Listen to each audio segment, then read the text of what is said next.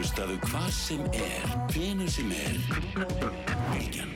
Frettir þjóðmál og pólitík. Sprengisandur á bylgjunni. Sæli hlustendur höldum við á stað hér á Sprengisöndunum þennan sundarsmorgun, annar februar. Uh, ég ætla að ræða íslenska hönnun, skamandi greinar hérna í lok þáttar. Ræði líka á 12. tíman um, um þjóðgarða á miðhálendinu.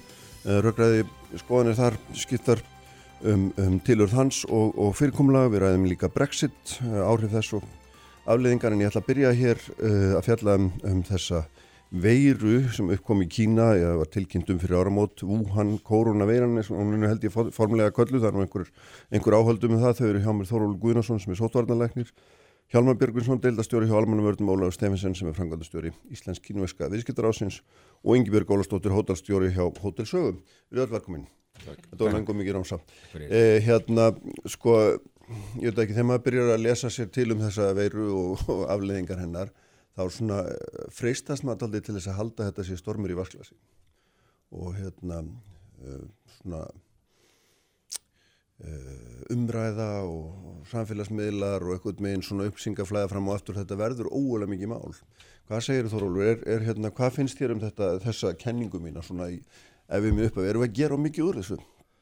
Já, ég veit svo sem ekki alveg á hverju þú byggir þessa kenningu þína en, en ef maður bara lítir á Miklu rannsóknum þar Já, en ef maður lítir bara á tölunar hráar tölur sem við fáum og, og, og við hefum nú alltaf sagt það að tölunar eru svona, við fáum nýjar tölur okkur einasta degi og, og þá breytist mati, maður leggur nýtt mat á þetta í byrjun var þetta þannig að, að þá eru engar upplýsingar um að það væri smita millir manna og mér er sér fullirt að það væri ekki smita millir mm. Og þá var maður tiltölu á rólegur og, og, og hérna, byggði matsitt á því síðan hefur það breyst þannig að matið er raun og verið alltaf að breytast mm. og maður lítur bara á þessar tölur bara blákallt og, og við getum kannski velt fyrir okkur svona einhvern öðrum hlutum setna mm. að þá eru uh, í dag 12.000 tilfelli tæplega staðfest með þessa síkingu og þaraf er 99% af þeim eru í Kína og uh, það eru tæplega 1800 sem hafa veikst alvarlega, mjög alvarlega sem að gerir sko 15% af þeim sem eru staðfistir og það hafa um uh, 260 manns dáið mm. sem er, er rúmlega 2% Já. þannig að bara horfir á þessa tölur mm -hmm. þá mhm. er þetta stórar tölur Já. þá er það ekki stormur í vasklasi það hafa uh, 130 tilfelli greinst utan Kína í 23 löndum og ekki döðsfall þannig að það er mjög jákvægt Það er endar eitt, eitt greint frá einn í morgun. Döðsfalli? Filipsheim Döðsfalli, já, já, já, ok. En það kemur kannski óvart, en ef maður lítur bara á þessar tölur mm. þá eru þetta tölur sem eru svipar mjög til svo kall SARS-faraldur sinns 2002 og í raun og veru þetta mjög svipar tölur um útbreyslun og smithæfni þessari veiru svipað eins og, eins og sjást við sko, hérna, spönskuveikina 1918 þó ég ætla ekki að líka því saman. Nei þá er þetta bara blákaltar tölur og þá maður verður að, að hérna, taka þær alvarlega þannig að mm.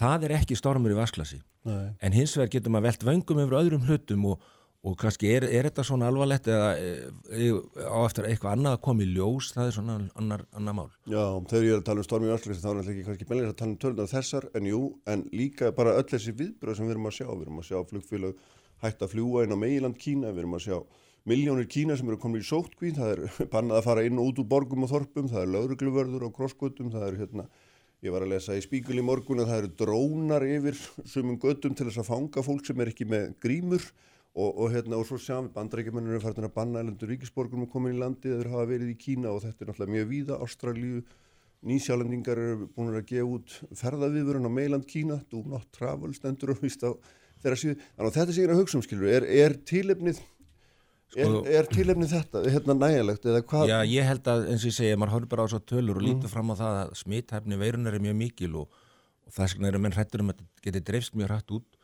og þá er eðlilegt að menn breyðist mjög hrætt við og það er erfitt að setja í gang alls konar viðbrasáallina allstaðar en nema breyðast mjög hrætt við mm -hmm. og ef þetta er mjög alvarlegt þá verða menn að breyðast mjög hrætt við strax í byrjun sko. mm -hmm. en það sem er kannski jákvætt í þessu og ég held að sjálf uh, alltaf minnast á það líka, það er fyrsta lagi að eh, sko, þessi, þessi fjöldi sko, nýgreindra í Kína, þetta er, maður þarf líka að líta á þannig að það eru miklu fleiri veikir og það er fullt af sínum sem býða eftir rannsók. Oh, mm -hmm. Þannig að þetta er raun og veru ekki bara uh, ný tilfelli á hverjum degi, heldur þetta fjöldi tilfella sem er búin að vera veikur og það er búið að taka síni þeir hafa bara hreinlega ekki undan að greina þetta Nei. þannig að það getur vel verið að sé búið að ná þessum toppi í Kína það er líka mögulegt að, að það sé ekki búið að taka síni frá þeim sem eru með vægustu einkennin. Þannig að það kann vel að vera þessi dánartala sé miklu lægri heldur en raunverulega kemur þarna fram. Þannig að það eru ímist teiknarna sem að segja, herðu, við getum kannski verið tiltöla róleg en það væri mjög óábyrgt að taka ekki á þess að mjög festu og vera algjörlega tilbúin. Og það sem að kannski, komum kannski betur að því eftir en það sem alla þjóður eru að gera fyrir utan Kína það er sem sagt að reyna greina þetta mjög snemma strax í byrjun og bregðast við loka fólk af þannig að þetta dreifist, dreifist ekki út frá sér þannig að, þannig að stormur í vasklasi þetta er ímest ofið af hann, ímest er, er, eru menn skammaði fyrir að gera mikið eða skammaði fyrir að gera lítið Já, akkurat, það eru, hérna, það eru andræðað meðlega. Nálega, hvað, hvað segir þú? Hvernig, svona, hvernig slær þetta þig? Já, þetta slær mann ekki vel sko við hjá Íslensk-kínverska viðskiptaræðinu tökum á móti býst að mörgum kínverskum viðskiptarsendinendum á, á hverju ári þeim hefur farið mjög fjölgandi undan farin ár kínverðar sína Íslandi vaksandi áhuga. Og líklega koma hlutarslega flestir mitt frá uh, Wuhan og Hubei en það hérna, hafa kínverðsk stjórnvöld útnefnt þetta svæði svona til að vera í samskiptum við, við Ísland og Norðurlandi og nú er þetta svæði bara stærsta sótt kví sögunar þannig að, hérna, jú, manni bregður aðeins við. Já, þetta að þetta að, að til dæmis uh, áallanir um, um hérna, fjölgun kínverskra ferðamanna á árinu sem ég veit að margir í ferðarþjónusinu hafa bundið mikla vonum við, það er bara allt í uppnámi. Uh, Júnei og flugfélagið kínverska ætlaði að byrja flughingað í mars. Afskaplega sennilegt að, að það frestist. Mm og já, að, að komur kínveri hingað uh, þeim fækki það hefur bara heilmikil áhrif í ferðarþjónustunni þetta er eina, eitt af fáum löndum á síðasta árið þa- þar sem að sko, fjöldi ferðamanna jógst á sama tíma var samdráttur í greinin í heild. Við vorum núna bara fyrir fáunum dögum með, með fund á samt fleirum um móttöku kínverskra ferðamanna. Það mættu 250 manns og horfðu 100 á, á, á, á hann á netinu. Það var gríðarlegur áhugi. Ferðarþjónustan hefur, hefur bundið mikla vonir við fjölgun kínverska ferðamanna því að það var búistuðir í eppil kannski svona 130.000 í ár því að þeir, þeir eigða meiri peningum en aðrir eru hérna eru svona, hvað maður segja hérna, góðir túristar sem að skilja mikið eftir í, í landinu. Nú við sjáum að það er strax byrjað að spá því að þetta hafi neikvæð áhrif á, á hagvöxt í Kína. Hann mun dragast bara verulega saman núna á fyrsta ásjórningi Kína hefur líka verið vaksandi útflutningsmarkaður og þetta þýðir náttúrulega að, að, að það er minni eftirspurn og verður vantanlega minna flutt, flutt út Já, þannig að og hann er ekki bara sko miðstu fyrir uh, það sem þú nefndir hérna samskipti við Norrlöndin heldur er þetta líka eitt helsta svona framleiðslu hér að, eða Já. framleiðslu borg í Kína. Þarna eru gríðalega mörg stór evróskum bandaríks fyrirtæki með Nákvæmlega, þetta er- framleiðslu stöðvar og þetta er alltaf stoppa. Já, og hérna þannig að þetta er svona, það er svona keðiverkandi mm, áhrif, hérna Ingibjörg hótelbransin eins og Ólafur kom nú aðeins inn á ferðarþjónustan hann er mitt eh, listaði þetta vel upp. Já. þetta er bara mikil ógn Já, og skamtíma áhrifin eru mjög mikil. Þetta er mikil ferðamanna mánuður februar og ég tók nú bara saman að ganni á hótelinu hjá okkur að því við erum ekki með stórt hlutvöld af kínverjum en þá en, en eh, þetta gætu verið um það byrj 500 bara á hótel sögu. Mhm, og fyrir hótelin sem er að gera út á þennan kínverska markað þá er þetta bara gríðalegt reyðarslag mm, og svo er aðal bókunartíminn að byrja núna inn í sumarið og það sem eftir er ásins og þetta er bara rosalega viðkvæmt. Og það er eitt með kynversku hópana. Svo hafa svona fréttir fyrir ruðningsáhrif. Og þeir skapa, skapa líka svona ákveðna ræðslu út í samfélagið. Mhm, þannig að hérna, við höfum áhyggjur af þessu. Já, já. Hvað segir þú Hjálmar frá ykkar, ykkar sjónarhóli almannavörnunum, það er hérna eins og ég var að lýsa það er, það er verið að grípa allir aðgera út um, út um allan heim og, og, hérna, og mjög harkalega eða harðra eða róttækra, ég veit ekki hvað að kalla það Og eins og kom fram hjá Þórólu hérna á þann að, hérna, það er tekið á þessu fast strax í upphafi. Mm. Við erum búin að vera núna hvað síðan tíu daga að svona eh, taka fram á allanir og, og, og hérna fara yfir þær og, og getum kallaði að koma þeim á framfæri vegna þess að uh, samfélagið allt þarf að svolítið að horfa, horfa inn að við og, og taka fram sínar áallanir. Hvað ætlar fyrirtæki að gera sem dæmi eh, þegar og ef mm. og hérna, þannig allir séu svona með, með á nótunum. Um, það er, er þetta með, með samfélagið að, að taka á þeim hlutum uh, sem sagt gagvært almann á vörnum þegar, að- þegar hlutinir hugsanlega gerast og eins og ég hef sagt í viðtölum sko, við, við bara sagði að við erum svolítið að viljum vera svolítið undan. Ég fengi þessa spurningu sko, er þetta ekki alltaf harkalegt? Getum ekki beðið? Svar mitt við því er nei. Einfalda vegna þess, eins og við segjum við erum viku, hálfum mánuð undan þannig að þegar og ef hlutinni gerast að þá erum við reyðubúnir ekki að, ekki að hérna allt að standa í lappirnar þá. En eins og segi, síðasta vika farið, farið í þetta og næsta vika fer í þetta og, og þar næsta vika og svo er spurning Þóról hvort við drögum ekki úr því. En hérna við sjáum bara til, þetta er bara eitt af þessum verkefnum og, já, og, já, hérna, En ég mætti við aðeins bæta, Já, bæta já. við þetta vegna sko, ég held að ástæðan fyrir því að menn bregða svona harkalega við er það að við erum með reynsluna af SARS-faraldrinu 2002 sem byrjaði líka í Kína og kýmverða fengu lágundir ámali þá fyrir að hafa reynd að hilma yfir þeim faraldri. Og það var mjög alvarlegur faraldur, hann var sennilega alvarlegri heldur en þessi þar að segja dánartalan í faraldrinu þá var 10% þannig að það var bröðið, menn bröðið sko notuðu hérna mjög harkalegar aðgerðir, einangrunar aðgerðir og það tókst að stoppa algjörlega þann faraldur og það hefur ekkert sesta þeirri veiru meira. Og ég held að menn hafi haft það að, að, að til hinsjóna núna við þessum harkalegu viðbröðum Já. En ertu, ert þú sannfærður um það núna? Því að nefna, eins og nefninu með það var þetta frækt með SARS að kínverjar þeir grindu alls ekki frá hérna frá þessu fyrir allt og seint og, og fannst þetta eitthvað minn skammalegt eða niðrandi fyrir sig og hérna heldu uppsingum lindum. Erum við sannfærðum það í dag að, að þetta sé akkurat tver öfugt? Vitum við allt sem við þurfum að vita? Já, við vitum öruglega aldrei alveg allt sem við þurfum að vita og við viljum alltaf vita meira og meira en, en ég sé alveg fyrir mér og ég kenni brjóstum kynverja að, að standi í þessu, þetta er gríðarlega mikið mál fyrir þá og, og hérna það er ósku beðlegt að þeir geti kannski ekki alveg á hverju meinast að degi veitt allar upplýsingar um alla sem eru grunaðir eða smitaðir, þetta er náttúrulega algjör stríðs ástand þarna eins og, eins og, eins og, eins fréttir hafa borið með sér og sendi herra Kína hefur sagt frá uh, í viðtali, ég rætti við hann á föstudaginn um þetta mál. Þannig að, er, þannig að þeir eru ekki öfinsverið aðstöðu en þeir ætla ekki að láta spyrjast uh, um sig að, að þeir hafa ekki gert uh, þó að sé verið að kenna þeim um það að hafa ekki bröðist nögu fljótt við og það er ákveðna væringar innan Kína út af því. En ég held að þetta er bara svo erfitt og það sýnir bara staða smitsjúkdómar af þessum toga eru gríðalega erfiður og, það, og við erum alltaf að undibú okkur undir heimsfaraldur influensu sem kemur á 10-20 ára fresti og við erum alltaf með okkur við spönskuveikina 1918 og það sýnir sér bara þegar þetta kemur í nútíma samfélagi þar sem menn eru að ferðast hverjum einasta degi fram og tilbaka og, og það má ekki hrópla við neinu, það má ekki stoppa eitt eða neitt þá er þetta ofbúðslega erfitt þegar þetta kemur upp og þetta mun koma upp, þetta ekki, verður ekki síðasti faraldurinn sem kemur upp. Þannig að það er eins gott að menn hafi það í huga þá eftir að, eftir að koma svona faraldra hver hann verður, hvenar það er ekki vita þetta er eins og með eldgósið bara. Já. Er eina, eina vissan er svo að hann kemur, maður veit ekkert hvenar. Já, En hérna, sko, það sem er líka áhugavert í þessu og kannski gaman að þess að ræða líka er, sko, er bara, er, er samfélagsmiðlar því að þetta er náttúrulega flýgur á milli manna, fregnir af þessu og, og það er afbakast á leiðinni og fram og tilbaka, sko, hérna og svona það er, það er með auðvelt að ala og óta, andúð og öðru slíku í þessu þessari ringiðu allir, sko. Ef við tekum þennan bolta varandi, varandi hérna miðlana að það sem við gerum daglega, það var hann ekki núna um helgina en hérna en við, þá sendum við út sem sagt, stöðuskíslu sem að fer á, á hérna, alla miðla og inn í kerfið þannig að það er raun og veru, raun og veru þá staðan eins og hún er við það skipti og, og þetta gerum við einu svona, einu svona dag.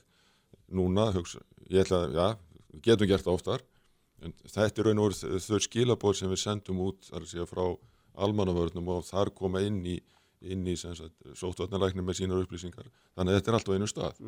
Og, og hérna ég veit til þess og maður hefur heyrt að, að hérna, íslensku miðlarnir hafa verið að taka, taka upplýsingar upp úr þessu og sem er bara frábært. Þannig að það, þannig er allir að miðla þeinu sama. Og það er alveg hárið eins og segir að þegar maður heyrir einhvað misvísandi og menn eru svona svolítið að gera þetta svolítið um, krassandi að reyna að gera þetta svolítið svona frétt með stóru stöðum sko Finnst þér þetta ekki vera það? er sjálfsögðu, en við verum að tala saman tungumáli skilur er að Nú ert ekki að tala saman tungumál á Þorvaldur. tala saman tungumáli út af við með, með sem sagt að miðla upplýsingunum skilur hvað, skilur hvað ég er að fara. Mm. Jú, ég held að við Hjálmar tölum nákvæmlega sama tungumáli Já. og ég, það sem við höfum akkurat bara, ég vil bæta við það sem að Hjálmar að segja að- að við höfum, erum að reyna benda öllum, náið í upplýsingar á okkar heimasíðu landlækni.is þar eru við með okkar, teljum við, okkar sann, sannrendustu upplýsingar sem hægt er að fá.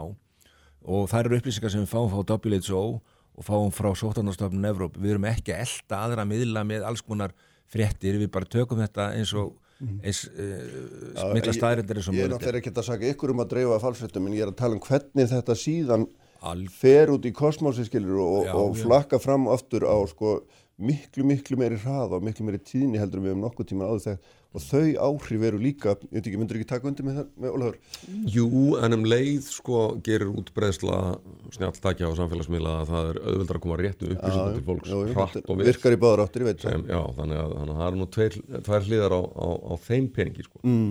en það er alveg rétt maður hérna, um, það er búin að fara fram bara talsverðar umræður svona inn á mínu heimili til dæmis við yngstu krakkana bara hvað er í gangi, hversu hættulegt er, er þetta hversu líklegt er þetta komið til Íslands, hversu líklegt er að maður smithist sjálfur og, og svo framvegist þetta gefur til dæmis bara, já, tilefni til, til hérna, það mætti kannski koma bara meiri upplýsingar einmitt frá, frá hérna, ofmörum aðlum um hvernig maður ræðir þetta við, við yngsta fólki sko. Ég, hérna, kannski líka, eh, svo ég takki líka aðeins bóttan, að þá er þetta rosalega flottar upplýsingar sem við erum að fá einmitt frá landlæknisembættinu og við, við erum með þetta á hótelinu og það er svo holdt að einmitt að dusta ríkið af öllum viðbras áallunum að því að það eiga ábyggilega eftir að koma áföll aftur og aftur og aftur.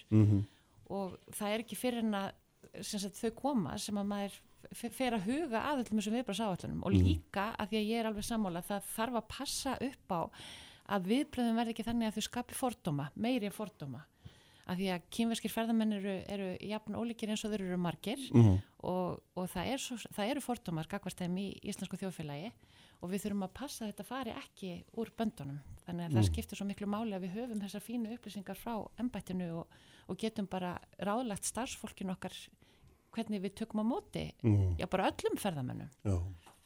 Hvernig Hjalmar sko, hérna, seti nú svo að bara þróunin verði svipuð áfram og hérna, smitt, smittínin er eitthvað svona cirka einna móti þremur er það ekki, það er svona almennt tala, jafnvel einna móti sex, sér maður sumstaðar, en segjum bara þetta þróið svona áfram hérna, hvað, hvað, hvað er langt í land með að við förum að skanna þá sem hinga að koma, hvað varst þú fyrir tveim vikum og fjórum vikum og, og þess að það er auðvitað það sem við erum að gera, Já, þetta, við höfum rætt þetta og til dæmis það sem við gerðum núna fyrir helgina í, í samráði við kínverska sendiráði að það var að, að hérna, þeir kínverið sem koma hingað í gennum keflauguflöðul að þeir fá upplýsingar inn á, inn á, inn á, ég segi inn á sig Mm. með svona grunn upplýsingum. Og, hérna, og það er vísað, vísað á hérna bæði síma í hölsugæslinu og eins, eins hérna inn á síður landlægningsembatsins þannig að það er reynd að gera eins og hægt er vissulega hefur komið. Og spyrir kannski svona ef þetta fer að aukast eh, verður svona, hvað segir maður? Stórt, verkefni fyrir okkur sko. að, að þá tökum við það skref bara, bara þegar það kemur en eins og segja allar áallanir okkar við erum voru miðast á og það sem við erum að gera. Við erum, við erum að horfa til vantar einhvað inn í áallina til og með núna um helgina við höfum verið svona að, að rýna inn í það og, og bæta, bæta um akkurat með svona, með svona hugaflugi með, með svona vesta keisinu sem getur komið upp. Mhm. eru áallanir okkar byggðar upp á það? Þurfum við að fara út í umræðinu við komum upp til dæmis að loka landinu? Er það skynsalegt skil eftir þessa spurningu hérna, góð- já, svolítið eigum góð að loka, spurning. eigum að loka hérna að gera svona einhvers konar sótkví eh, skipta landinu upp í sótkví Mhm. um, ég skil það líka eftir en við eigum áallanir um þetta skilur við, þannig að hérna en ég vona, auðvitað þarf maður að svara þessu já eða nei Mhm. loka landinu svo, ég tekinu svona harkarlega sko.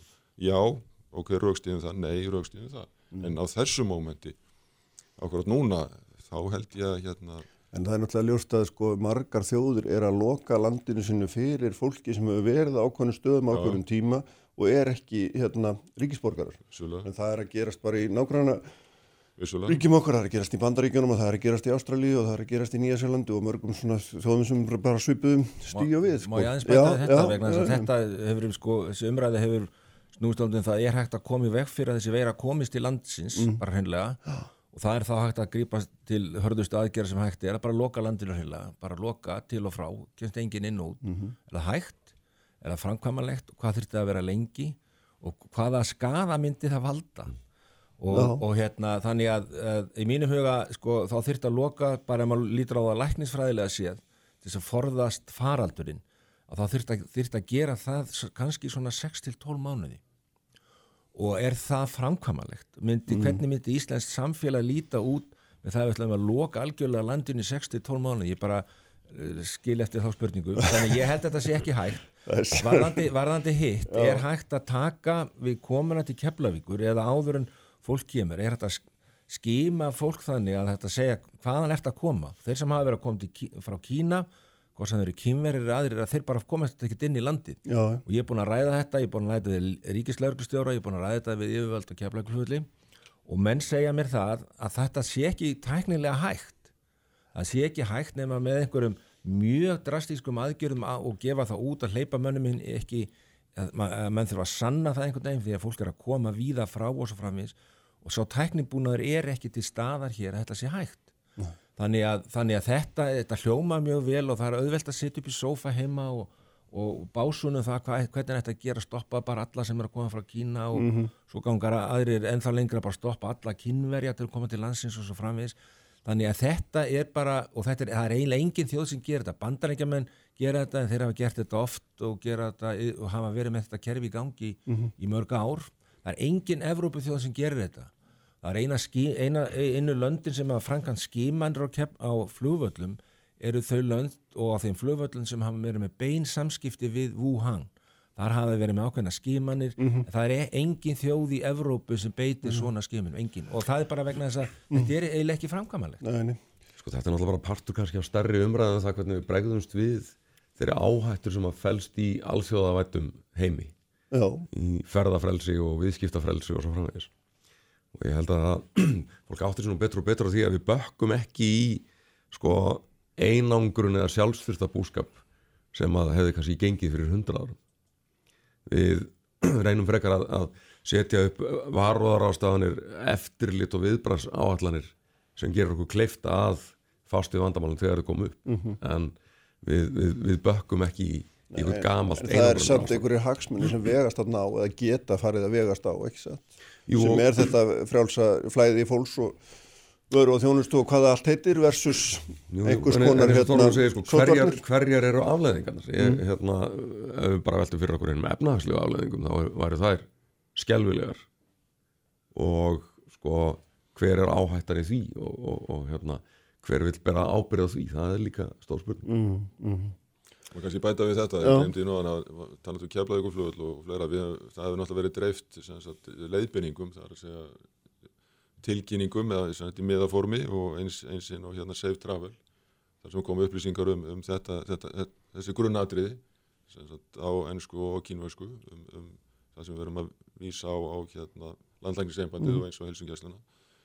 Þorról, þú ekki nú betur en ég, þannig að var þetta helsungjasluna, kannski kom inn á Jú, með sko það sem að sko, sko við höfum tekið þessu umræðu og þessu umræðu höfum við tekið með Evrópusambandinu, við erum að reglum fundum, símafundum og hvað eru því að gera hvað, hvað telja að menna sér praktíst og hægt að gera.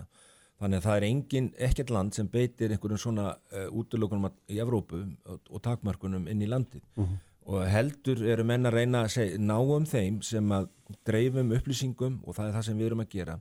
Strax og ferða með lenda í Keflavík að þá fá þeir upplýsingar bæði með SMS í símanna sína og við erum að vinna með kýmverska sendirinn á því að það ná bara til kýmverina til dæmis og með alls konar upplýsingum um það að ef að fólk veikist hér innanlands að þá getum við fundið það strax, greint það strax og það er ánægilegt að segja frá því að við getum núna greint veiruna hér. St- staða eh, er komin upp á landsbítalanum að hann er búin að fá allt sem hann þarf til þess og, og getur greint veiruna. Þannig að reynum að finna alla sem fyrst, greina það sem fyrst og loka þá síðan af. Það er að segja beita einangrun á þá sem eru veikir með staðfesta sýkingu og þá sem eru útsettir, þeir sem hafa verið með, með viðkomandi, þá þurfum við að setja þá í sóttkví. -hmm. Og þetta er það sem allar þjóður eru að beita og þetta er áhrifar ríkasta leiðin til þess að stoppa það að þetta dreifist hér einanlands. Það er eiginlega það eina sem við getum gert í, í þessari stöðum svona núna. Já, Þetta er kannski sömuleiti alveg ágætt þessi æfing í því að ná til kínverskra ferðamanna á Íslandi. Já, það kom fram á þessum fundi sem ég var að segja frá aðan að e, sko kínverjar upplifa það að það sé ekkit verið að tala við á hér sem gesti. Það eru engin skilti á kínversku til dæmis á, á keflaðikuflugvilli. Það eru, eru sára litlar upplýsingar fyrir ferðamenn á kínversku þegar þeir koma á hótelin og svo framvegis. og svo skiljum við heldur ekki menningu þeirra og, og, og síði og þeir skilja ekki okkur og hérna það var hann kínvarsk kona með, með erindið að þessu þessari ráðstöfni sem að sagði sko öllum finnst þeirra síður og vennjur byggjast á heilbriðri skynsemi. Mm. og við skiljum bóttum bara ekkit í því að fólk gerir hlutina öðruvísi heldur en við erum að gera. Þannig að þetta líka held ég æfing í svona menningarlæsi sko. Að, að hérna að ná til þeirra, þeirra útlendingar sem hinga að koma og eru, eru mögulega smittberðar og, og þannig einhver áhættu Já, Yngibjörg, hvað hva svona hérna, ég veit ekki, þú veist, þú veist rekkur hótel sem er einhver aðmarkaður heimur og svo höfum við þessa miklu umræðu og svona ymsir sem eru með mikla hérna, hafa miklar áhugjur og dreifa áhugjum sínum og svo framvegs og ég meina, svo er starfsfólk og það þarf að umgangast fólk á öllum þjóðurnum, hugsanlega fólk sem kemur frá Wuhan þess vegna fyrir eða, veit ekki um það. Menna, þetta lítur að vera samt eitthvað svona undirliggjandi áhugi. Maður sér til dæmis í Hong Kong eru einhverju þúsundur heilbríðstæðar sem hann að fara í verkvall vegna þess að yfirvöld neyta loka landamærunum að Kína sem er, ekkit, hérna, er samt fjarrri í þeimskilningi þau eru bara opinn og fólk flæði fram og tilbaka og hérna, heilbríðstæðar sem er sætt að sér ekki fyrir það er bara svona dæmi um hvernig Það er náttúrulega, ég, ég ferða þjónustunni þá náttúrulega erum við að taka á móti mm. svo ofbúslega mörgum þjóðverðnum og, og upplifum hennan þessa mismunandi menningu og ég held kannski að fólk sem að fer í þessa þjónustu það, það bara fer eftir svona skynnsemisreglum þar kemur mhm. að því að taka mótið þeim og einmitt þessar nýju reglur og þetta þarf að stóla á það að, að fólk svari satt og rétt frá eins og að spyrja hvort að þau séu hafi verið í, í Wuhan eða í Kína ef að þau eru hústandi eða eitthvað slikt sko mm. um, og við höfum svo sem verið í alls konar æfingum hvað þetta varðar. Uh, ég finn ekki fyrir því að starfsfólki meitt sé rætt. Vi, við höfum að því að við erum náttúrulega með mikið hérna, við erum með veitingastadi þannig að við erum með háan hreinleiti stöðul og erum með sóttrensi brúsa bara nánast mm -hmm, á hverju hortni mm -hmm. Eh, þannig að við, höfum bara tamið okkur ákveðnar, ákveðnar vennjur og ég finn ekki fyrir neitni ræðslu Nei, það sé ekkit undirlíkjandi vegna sem maður sér það líka við að umræði út í heimi að það er svona, það er ekki bara óttinn við raunveruleikan heldur, óttinn við svona ímyndaða að einmitt svona ímyndaða andúð á Nei, það er ymmit gestum, sko. vegna þess að við hefum fengið svo, svo skýrar mm -hmm. og, og fína leifinningar og og ég sé það að kollega mínir að því að ég nú var að formaður í SAF líka, Já, mm -hmm. að kollega mínir eru að búa til mjög leiðbennandi vinnureglur fyrir stafsfólki sitt mm -hmm. og þetta er allt bara verulega vel gert finnst mér Hérna alveg sko eitt sem langar að spyrja um í þessu samengi sko, þessi, þessi aðferð sem kynum verið að beita þessi sótkví að loka heilu hér og loka bæjum og þorpum og, og banna öllum að koma að fara er þetta góð leið? Er þetta góð leið? Já, þetta er eina leiðin til að hefta útbreyðslu, þetta er náttúrulega leið sem hefur verið notuð bara frá örufi alda þegar menn fór, fór að fyrst að beita einhverjum aðgerðum gegn útbreyðslu mm. smittsjútoma, kóleru sem að, sem að gekk hér á öld, öldum áður sko yfir og, og, og svarta dauða og svo fram, fram, framins og framins og þetta var, og er raun og veru eina leiðin sem hægt er að beita, það er að segja mm. uh, einangrun á þá sem eru veikir og sótt hvíða á þá sem eru ekki veikir en, en gætu hugsanlega átt eftir að veikjast. Mm -hmm og þetta er viðurkend aðferð uh, til þess að hefta útbreysli smittsútuma og er lang áhrifast ríkasta leiðin sem við höfum.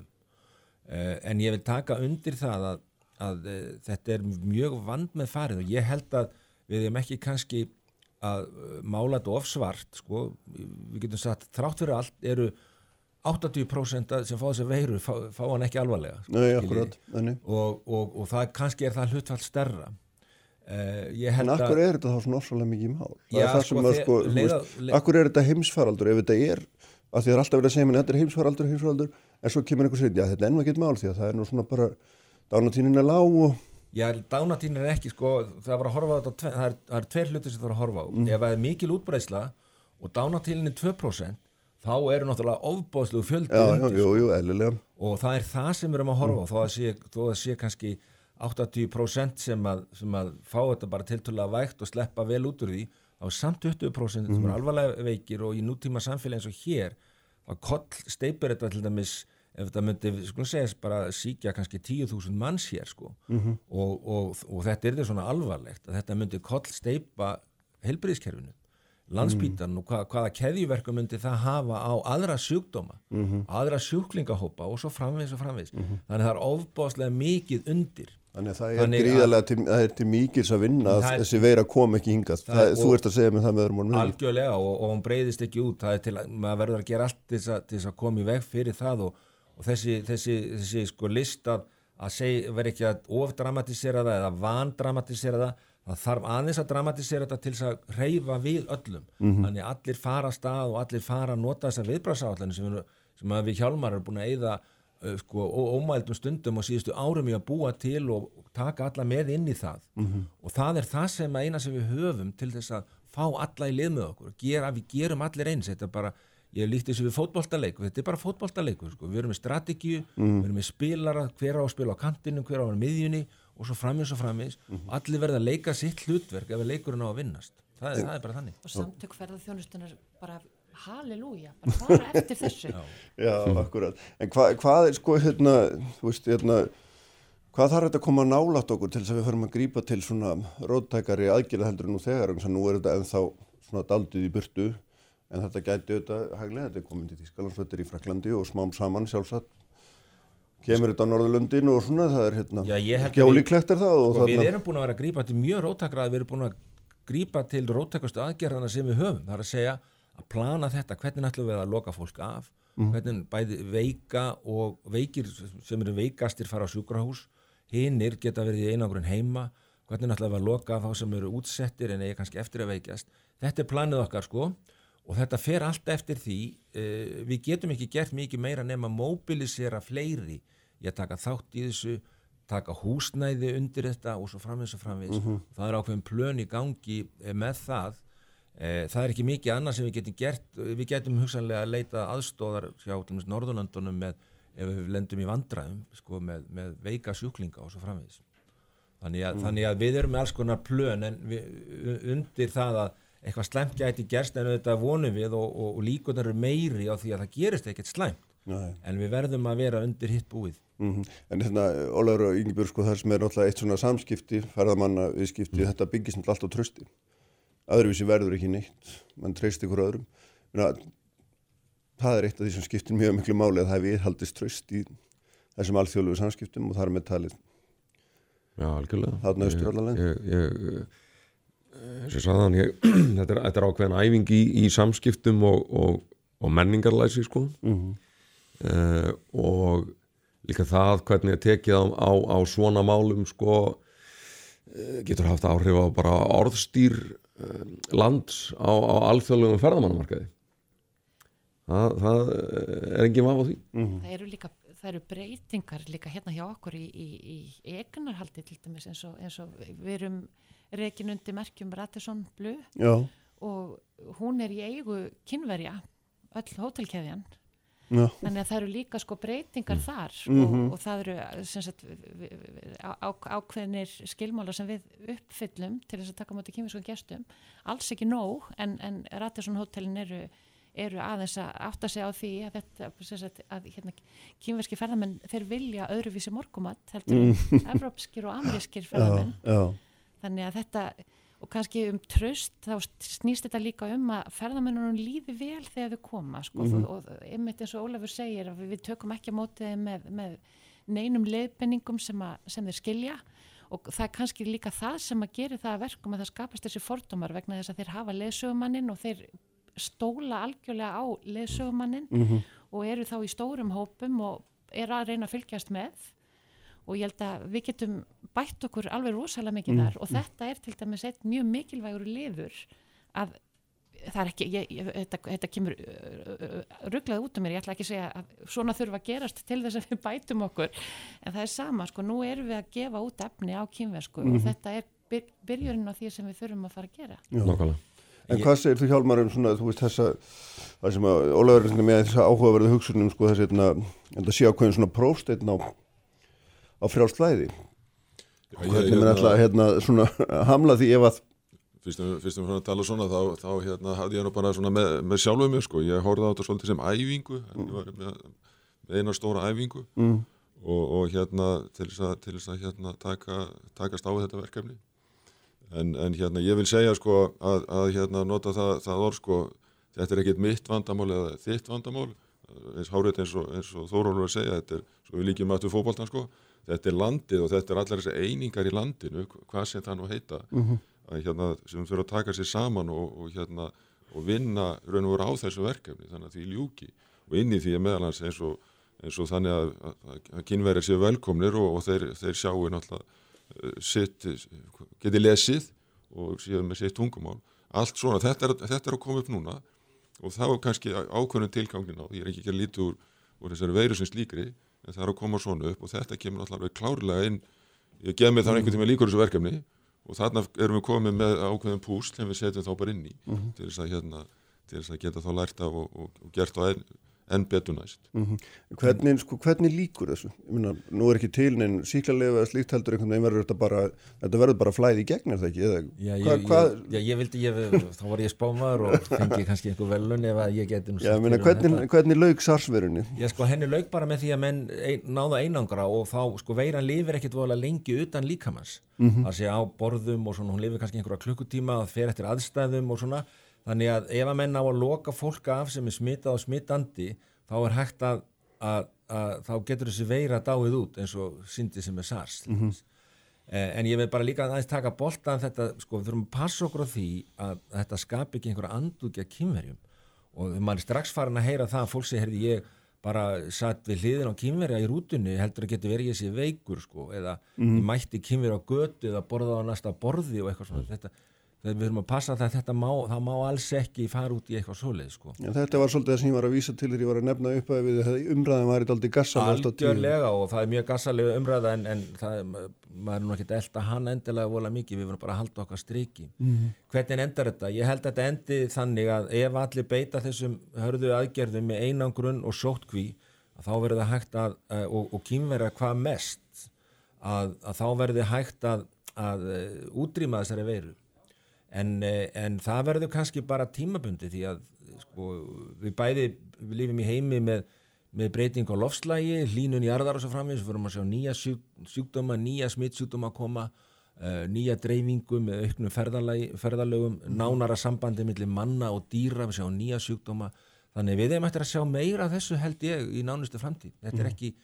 þetta er ekki einhver endir á einhverju, þetta er bara hluti og af, af þróun sem við erum eftir að sjá og við þurfum að vera undir þetta búin. Mm. Þetta er svona, fyrir, fyrir ferðarþjónustun er þetta nú ekkit svona skemmtilega fréttir hérna á, á sunnundasmorni að við megum bara búast við allskynns pestum. Nei, en, en, en, það er varin góður eins og það stundur svo bara lífið, þannig að maður verður kannski að horfa Já, já, er ekki hérna í almanna tengslunum þá er þetta eitthvað plan for the worst og hope for the best. Það er ekki að áallanum með allt í vest en vonast þetta er hérna besta sem er hérna en, en þarna, já ég heldur komast kannski ekki, ekki mikið lengra í þessu en, en svona, það er samt ljósta er það ekki að, að, að þetta verða spennandi mánuður, spennandi vikur allavega Ég mætti bara, maður segja eitt að lóku sko, þegar, þegar að fyrsta tilfelli greinist hér sko, og þurfum við að taka því með mjög mikill festu og, mm -hmm. og mhm. veita góðar upplýsingar og, og til almenningsum það að hvernig nákvæmlega hann á að forðast þessa síkingu og umræðan verður að vera balanseruð og hún verður að vera raun, raunsæ og menn verður að hafa tröst að því sem verið er að gera. Mm. það er að segja að menn fari ekki að brjóta það niður og, og, og skapa einhverja anduð og úlfúð hérna innanlands. Það, það er ofboslega mikið að menn stýji bárunna saman. Langar líka aðeins kannski að, að því að vorum að tala um tala um mitt fordóma og annað. Líka átt okkur á því að kynver, kynverskir ferðamenn er ekki bara ferðast frá Kína, þeir eru líka ferðast frá Evrópu, það eru mjög margir sem eru búsettir mm. í Englandi og, og stór hlutu okkar, okkar gestum eru í rauninni Evrópu búsettir kynverskir ferðamenn. Mm -hmm. þannig að hérna ég, ég, ég, ymmit umræðan þarf að vera yfirveguð og, og, mm. og lástemt þó að við tökum hann alvarlega. Já, akkurat Herðum, ljómandi gott, ég held við hérna látum þetta gott heit í bíli. Takk ykkur öllum fyrir að koma. Ég ætla að ræða hér um annað stórmál á eftir, aðeins öðruvísi, Brexit. Sprengisandur á bylgjunni alla sunnundasmórna. Í bíli að ræða um þessa Wuhan koronaveiru og svona hugsanlegar, hugsanlega útbreyslu hennar og, og varnir gegn henni og áhrif á atvinnulíf, uh, hérna ekki sístu, viðskipti, ferðarþjónustu og svona almennt þjóðlíf auðvitað. Eh, ég ætla að þess að ræða hér um annan sögulegan viðburð sem að er Brexit en það eru sannlega tímamóti sögu Európa-sambandsins og auðvitað Európa sjálfur eh, kveldi 31. dags í janúar mánuða núna þegar að breytar gengu út úr Európa-sambandinu og hérna sumum myndur nú segja með pompa prakt en aðri með eftir sjá eftir í hvernig landið liggur Jón Steind og Valdimarsson og Ólbjörn Kárasson alþingismenn er hérna hjá mér sko hérna stóra spurning er kannski þetta hvort að Europa verði samstæðari án breyta sem að stundum eru nú kallaðar því odd man out af breytum sjálfum og, og hérna svona þeir sem að skera sig úr en, en hvort að breyta hérna Europa verði samstæðari eða ósamstæðari hvort að sé búið að sá einhverjum fræðum sem að halda áfram að spýra. Ef við byrjum á þessu. Ef ég má Já, byrja þú sko, þá held ég að, að hvoru tveggja svo sem gæti átt við. Mhm. Það er að segja að ég held að Európusambandi sjálft uh, geti kannski núna einbeitt sér meira uh, og ákveðnar svona að sínum eigin málum og, og sé þá ekki uh, auðvitað lagi fást við Brexit sjálft sem er auðvitað búið að vera og reyndar á eftir að vera viðfánsefni og hefur tekið mikinn eh, tíma og orku bæði frá breytum og, og Europasambandinu sjálfu. Nú sem sagt er sá faktor að, að detta út þannig að það ætti minnst að gefa Europasambandinu sjálfu uh, tækifærið að sinna sínum málum betur og, og, og síðan náttúrulega þegar samskiptinu við breytana eru komin okkur inn í farveg sem gerist já, á næstu misserum þá auðvitað svona kemur ró á þetta og að þýleiti til held ég að megi alveg segja að Evrópa geti orðið eh, sko, sterkari þar sem að þetta er þá fallið í einhvern, í form. En á hinbógin svo sem á eftir að komi ljós nákvæmlega hvernig samskiptum breyta og Evrópasambansins verður háttað og hvernig menn leysa úr því hvort að það leiðir til einhvers konar já, ég nú, vil nú ekki nota orðið sundrungar en, en, en að það komi upp svona einhverjar friksjónir í, í viðskiptum og, og, og öðrum samskiptum sem að ég er alls ekki að spá, ég hef nú fulla trú að því að menn sko geti nú leist úr þessu svona þannig að, þannig að að er já, þegar hólminn er komið þá munum menn auðvitað reyna að gera það og, og, og þann, já, þannig að eins og ég segi ég held að, að í sjálfu sér úr því sem komið var og fyrst að hérna breytar ákvaða að gera þetta þá held ég að menn bara leysi úr því og, Mm. og upp kemur einhver, einhver, einhver nýtt fyrirkomulag sem að, að því við mögum heldur ekki gleyma því að þó breytar sér vissulega stort og, og öflugt ríki að þá er, þa er, er það sem eftir er, er, er enn starra og öflugra sko, Já, þannig, að, já. þannig, að, þannig að sko, þetta, þetta lamar ekki Evrópusambandi held ég með neinum hætti það, að- alveg hugsanlegt að það efli það ég, maður átt að sér ekki alveg á því kannski Hvað heldur þú Óli um þetta? Heldur við sem að sjá fram á frekari sundrung eða samstöðum? Já, ég vona minnst að kosti að eh, þetta verði, að framtíðin verði þannig að, að öll ríki Evrópu eflist. Það er okkar hagur. Skiptur okkur gríðarlega miklu máli. Þetta eru þetta ekki bara vínaþjóður, þetta eru mikilvægar viðskiptaþjóður. Ég held að það sé kannski meira að minna undir Evrópusambandinu sjálfu komið hvort að uh, ráðamönnum þar og fórustumönnum uh, auðnast að draga létt, réttan lærdom af því sem hefur verið að gerast. Það er alveg ljóst að það er ekki bara í Bretlandi sem að hefur verið óanæja, kraumandi óanæja víða í Austur-Evrópuríkjónum, Miðjarahafsríkjónum, Greiklandi, Ítalíu, jáfnvel á Spáni, e, gagvart Evrópusambandinu.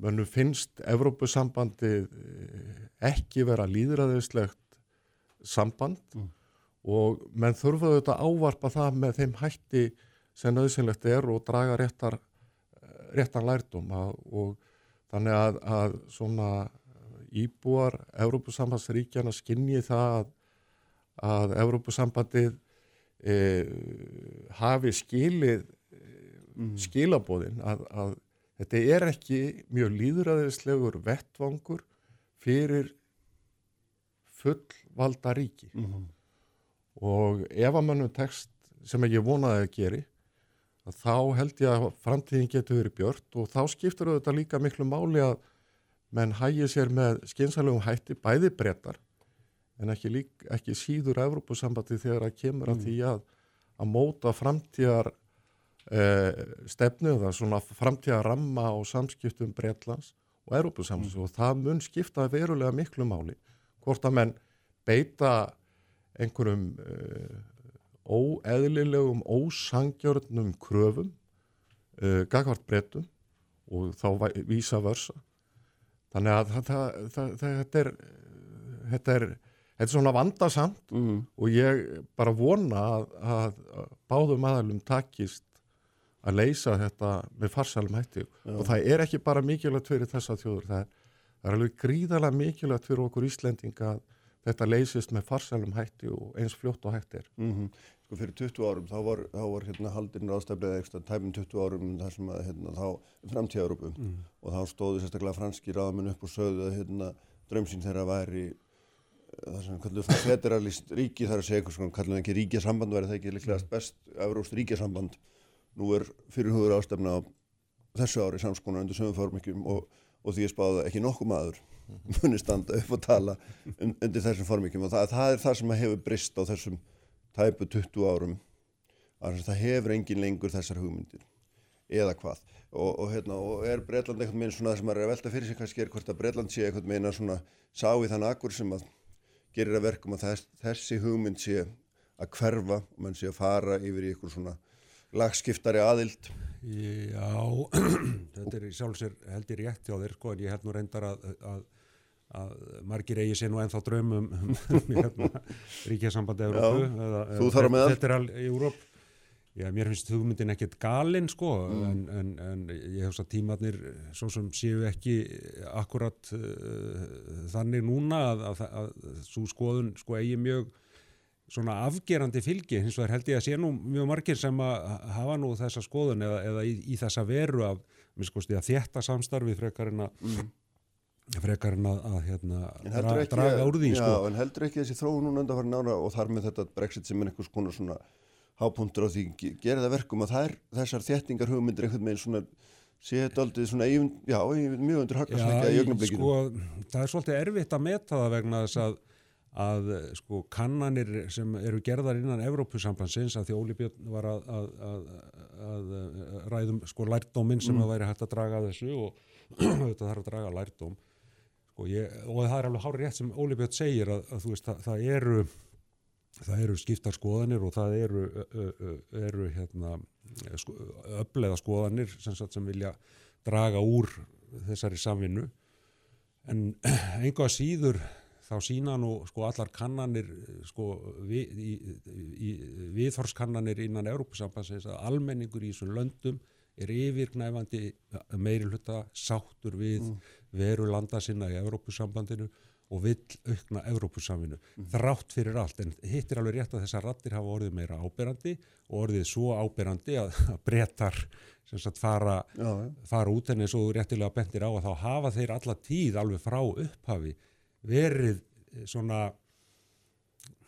já, ég vil ekki endilega kalla það treyir í taumi sko, en, en þeir hafa svona verið skeftískir og, og svona ekki kannski ha- haft jafn sterkar skoðanir í þá átt að, að, að gera Evrópu að uh, meira og meira, meira er Þetta- fallega- algjörlega á móti. Já, já, þeir hafa verið á móti því, en þeir hafa líka bara á mjög mörgum öðrum sviðum Mm. alltaf talið sig hafa mikla sérstöðu.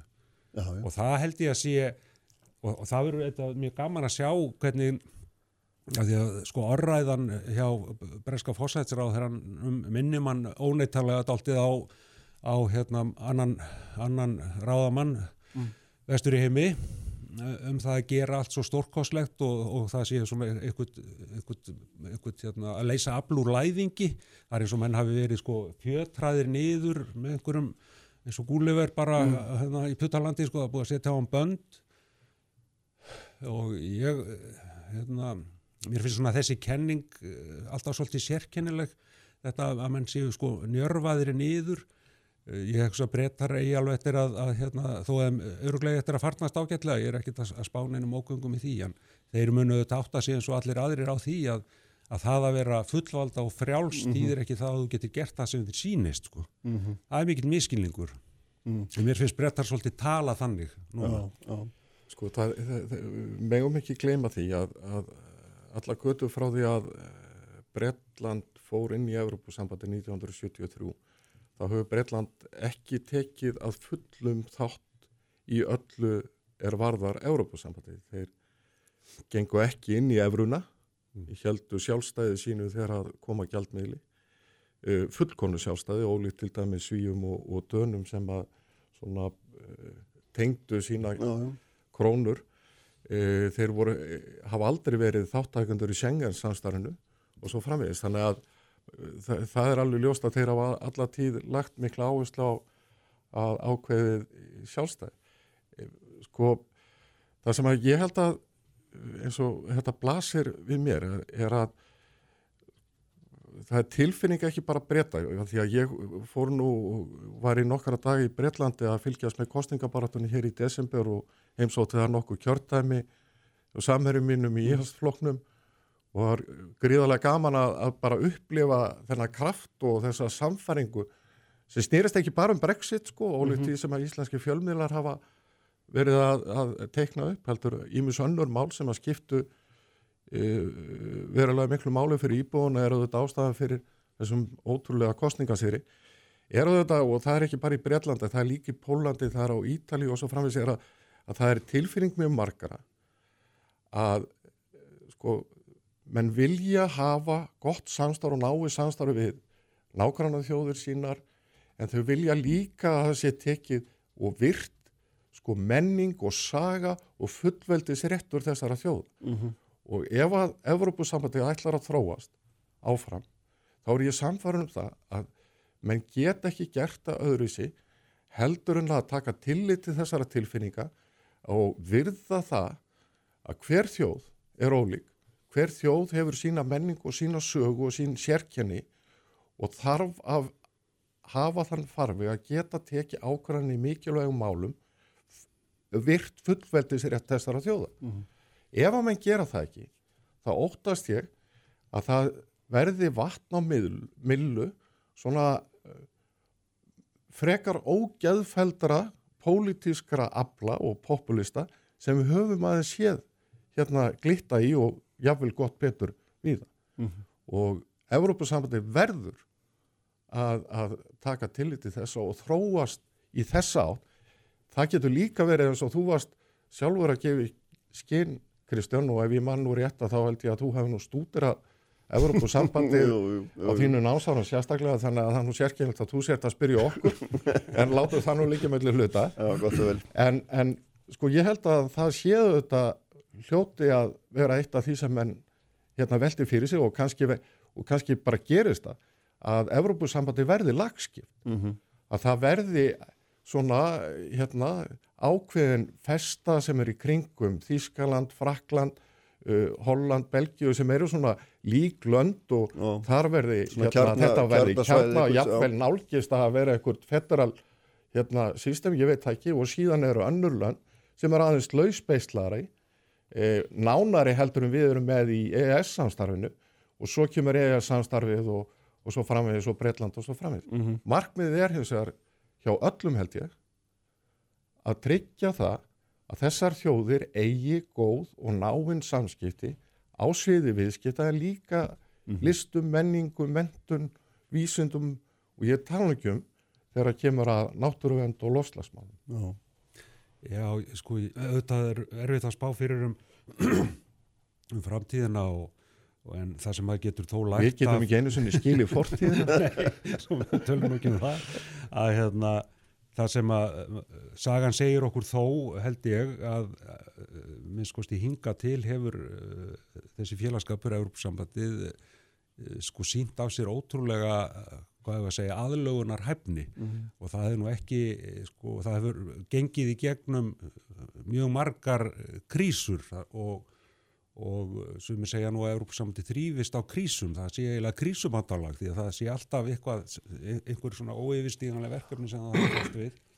Og hinga til hafa þeir nú hefur Európa-sambandi og aldar þú er þess klóra sig uh, út úr því? Og ég, ég held að... Það koma náttúrulega alltaf sprungur eftir krísur þó að þú klórir þið fram úr þeim, þá setur alltaf eftir já, sprunga. já, já, og það er kannski það sem við erum svolítið að horfa upp á núna, að við erum að horfa upp á landslega sem er sprungnara heldur en fyrir 20 árum skilur það er, og það er það sem að er að velta Ég veit það ekki sko, hvort það er endilega svo mikið ég er ekkit vissum að það sé svo mikið sprungnara sko. Uh, vissulega er það stór atbyrður og ég er ekki, alls ekki að gera lítið og því að maður ekki miskila það að breytar eru farnir mm. og það, er, það, það hefur orðið þar hérna, landrek og, hérna, og slitna frá, ég meina mikið lóskup þannig, það er stór viðbyrður og við erum auðvitað ekkert búin að sjá hérna,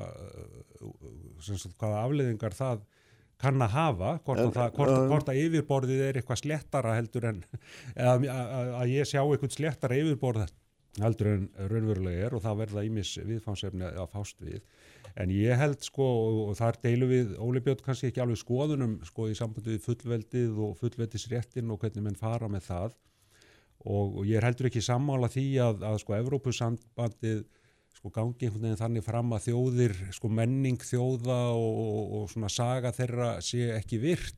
Ég held að það sé þert á móti, ég held að emitt að Európa-sambandið gerir mikið í því, emitt að virða það og síðan getum við þetta bara hort til skota og, og þess vegna norður Íra. Uh, þar er meiri hluti fólks sem að vill vera í Európa-sambandinu og sérstaklega skotar harma mjög hérna, ákverðun uh, bretta og uh, þannig að það er nú allur gangur á því hvernig menn mm. líta á, á, á, á það. En vissulega er svona samstarf það byggir á því að menn er að vinna saman og menn verða að hafa þetta tilfinningu fyrir því að Já, menn séu að vinna saman, það séu ekki bara einhverjir fáir sem vinna saman og svo, svo svona e- eru hinnilátnir einhvern veginn mm. fylgja, fylgja því og, og uh, en ég er nú bjarsinismadur fyrir handa Európa-sambansins og ég held að menn muni hérna uh, finna út úr þessu og ég held að sambandi muni uh, þeirra uppi staðið verða sterkara. Og ég held bara aðstæður allar og, og í heimsmálum hvar sem er niður litið það kallar á meira og meira og formfastara samstarf uh, það eru hlutir sem að þarf að taka sameinlega á og einstök ríki ráð ekki við þó séu stóra öflug þá bara ráðu ekki við það. Mm. þetta er nú bara í hugi svo í viðskipta heiminum að, að nú er Európusambandi mjög mikið að takast á þessa stóru viðskiptarisa sem við þekkjum öll og öll, erum öll komin í klætnar á í bókstælir merkingu þegar við taltum okkur og, og, og sjá hvað við ætlum að gera á morgun og gerðum í gær Evrópussambandi er að, reyna að tækla þetta og, og takast á við þessi risafyrirtæki og getur gert það Ísland getur það ekki eitt Bretar geta það ekki einir Bandaríkjaman geta það ekki einir. Mm -hmm. þú veist það er, það, er, það er svo margir hlutir sem við verðum að gera saman. Já, einmitt hérna sko, þurfum svona að fara að slá í þetta en, en sko hvað hefur munið þetta þessi þetta er þetta mikil breyting, það er hérna óhjókvæmlegt að orða þannig þetta er söguleg tíðindi sem urðu og hérna þó að það hefði að vísi látt langan aðdraðand og kannski verið orðið átti lúi þegar að lágsins gerðist en, en svo, svo hérna maður veldi fyrir sér hefur þetta áhrif á okkur með einhverjum hætti? Og þá er ég nú ekki að hugsa svona með beinum hætti og einhverju samningar sem auðvitaðriksvælandi er að gera heldur svona á okkar heimsmynd með einhverjum hætti. Ef við reynum aðeins að svona kannski Já, ég meina, fyrir utan hérna augljósu efnaðarslegu já, ég meina við erum auðvitað með vöru útflutning og, og þjónustu tekjur að breytum upp á 130 til 150 miljard á ári, þetta er þriðji, mik, þriðja mikilvægasta viðskiptaland okkar Íslendinga. Þannig að það er gríðalega mikið í húfi fyrir okkur, fyrir utan bara almenn samskipti, ég meina þau, þau eru ótrúlega mikil bara á öllum sviðum og við förum hérna til Bretlands og Bretar koma hinga er einn fjölmennastu þjóðin. Þannig að það skiptir gríðalega miklu málu við náum, hérna góðum, samskiptum og samningum. Það eru þá frívæslana samningar, vonandi eins viðtækjur og hægt er á komandi mánuðum og missurum og vonandi á þessu ári. Ég held að það sé mikið í húið, það er undurbúningurinn er búin að standa lengi. Já, hefur þetta áhrif á heimsmynd okkar? Ég er nú ekki viss um það að það breyti í sjálf og sér minni heimsmynd, ég menna en, en ég hef lengi látið mig dreymum það að, að það yrði til eitthvað skonar samstarfsvettangur þjóða hér í Norður Allandshafi á sviði viðskipta. Ég hef talað fyrir það sem ég kalla frívæslun í Norðurhöfum með Kanada, Bandaríkjónum, Grænlandi, Íslandi, Færiðum og Noregi og nú hérna horfi ég þá til Bretlands þar sem þeir eru orðin frjálst þjóð og geta gert á sína viðskiptasamning á sínum forsendum og geta þróa þá þann hérna fríverslunarsamning yfir á samstarfsvettvang á sviði lista og menningar, mentamála og svo framvið. En það eru þetta styrkir mína heimsmynda þessu leiti en ég veit að það er ekkert uh, voðalega margir sem að hafa talið að ég sé pragmatisti en, hérna, en þegar maður hefur einhver ákveðna hugsun þá byrja maður einhver stór og byrjar Já. að berjast fyrir og Já. dropin hólar steinin vonandi Já. en það gengur helviti hægt Já, já, Ég hef heyrt þess að hugmyndaður áður og hérna það er fínt að fá hann upp aftur vegna þess að hún er áhugaverð í sjálfum sér. já, já. En sko varðandi heim, ef maður svona reynir að horfa aðeins á þetta svona uh, ofanfrá og, og, og svona sleppa smerri atriðum, þá held ég að, að, að sko það fari svo litið eftir í sagt hvernig auðvitað tekst til með samkomulag milli Byrjallands og, og Európusambansins og, og, og uh, en ekki síður held ég sko hvernig samskipti Bretlands verða til dæmis við bandaríkin. Sko text, verður þar til einhver svona eins og ég veit að bretta dreymir um að gera stóran og mikinn fríverslunarsamning við bandaríkin. Mun það verða að, að veruleika? Uh, síðan er auðvitað spurningin sko, sem lúta öryggis og varnarmálum. Það er að segja í hvort fótinn ætla breytar að stíga? Þeir Það eru í NATO. Já, já, þeir eru í NATO en við vitum líka að, að það, þar eru uppi skiptarskoðanir og þar hefur hafa bandaríkin í vaksandi mæli sínt hérna, uh, sérstöðu. Og það eru svona viss uh, átök innan NATO milli Evrópu og, og bandaríkjana ef við viljum.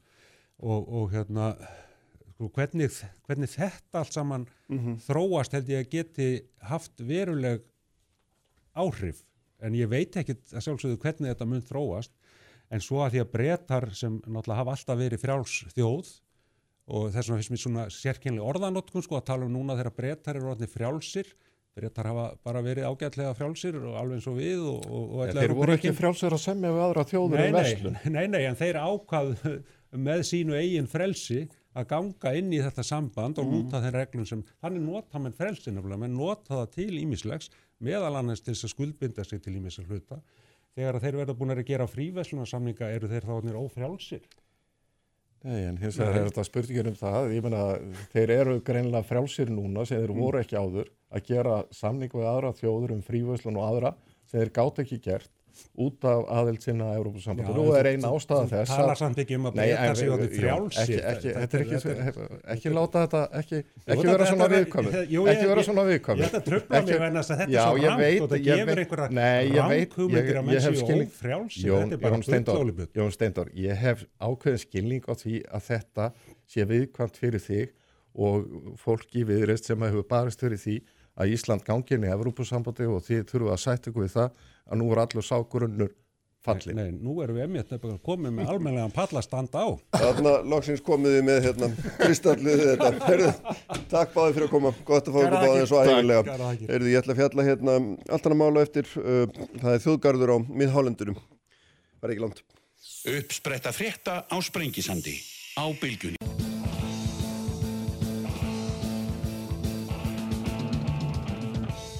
Sælir aftur hlustendur, uh, þeir eru farnir frá mér Óli Björn Kárásson og Jón Steindor Valdimarsson. Ég ætla að skipta alveg um gínun og tala um hálendis eða þjóðgarð á miðhálendinu. Þau eru hjá mér í símanurendar sem er Ásta Stefansdóttir sem er sveitastur í Bláskóabíðar og Sæmundur Helgason sem er sveitastjórnamaður á höfn í Hortnafyrði Sælbæði Já, Sælsamundur, lesaður, lesaður Blessu ásta. Sæl.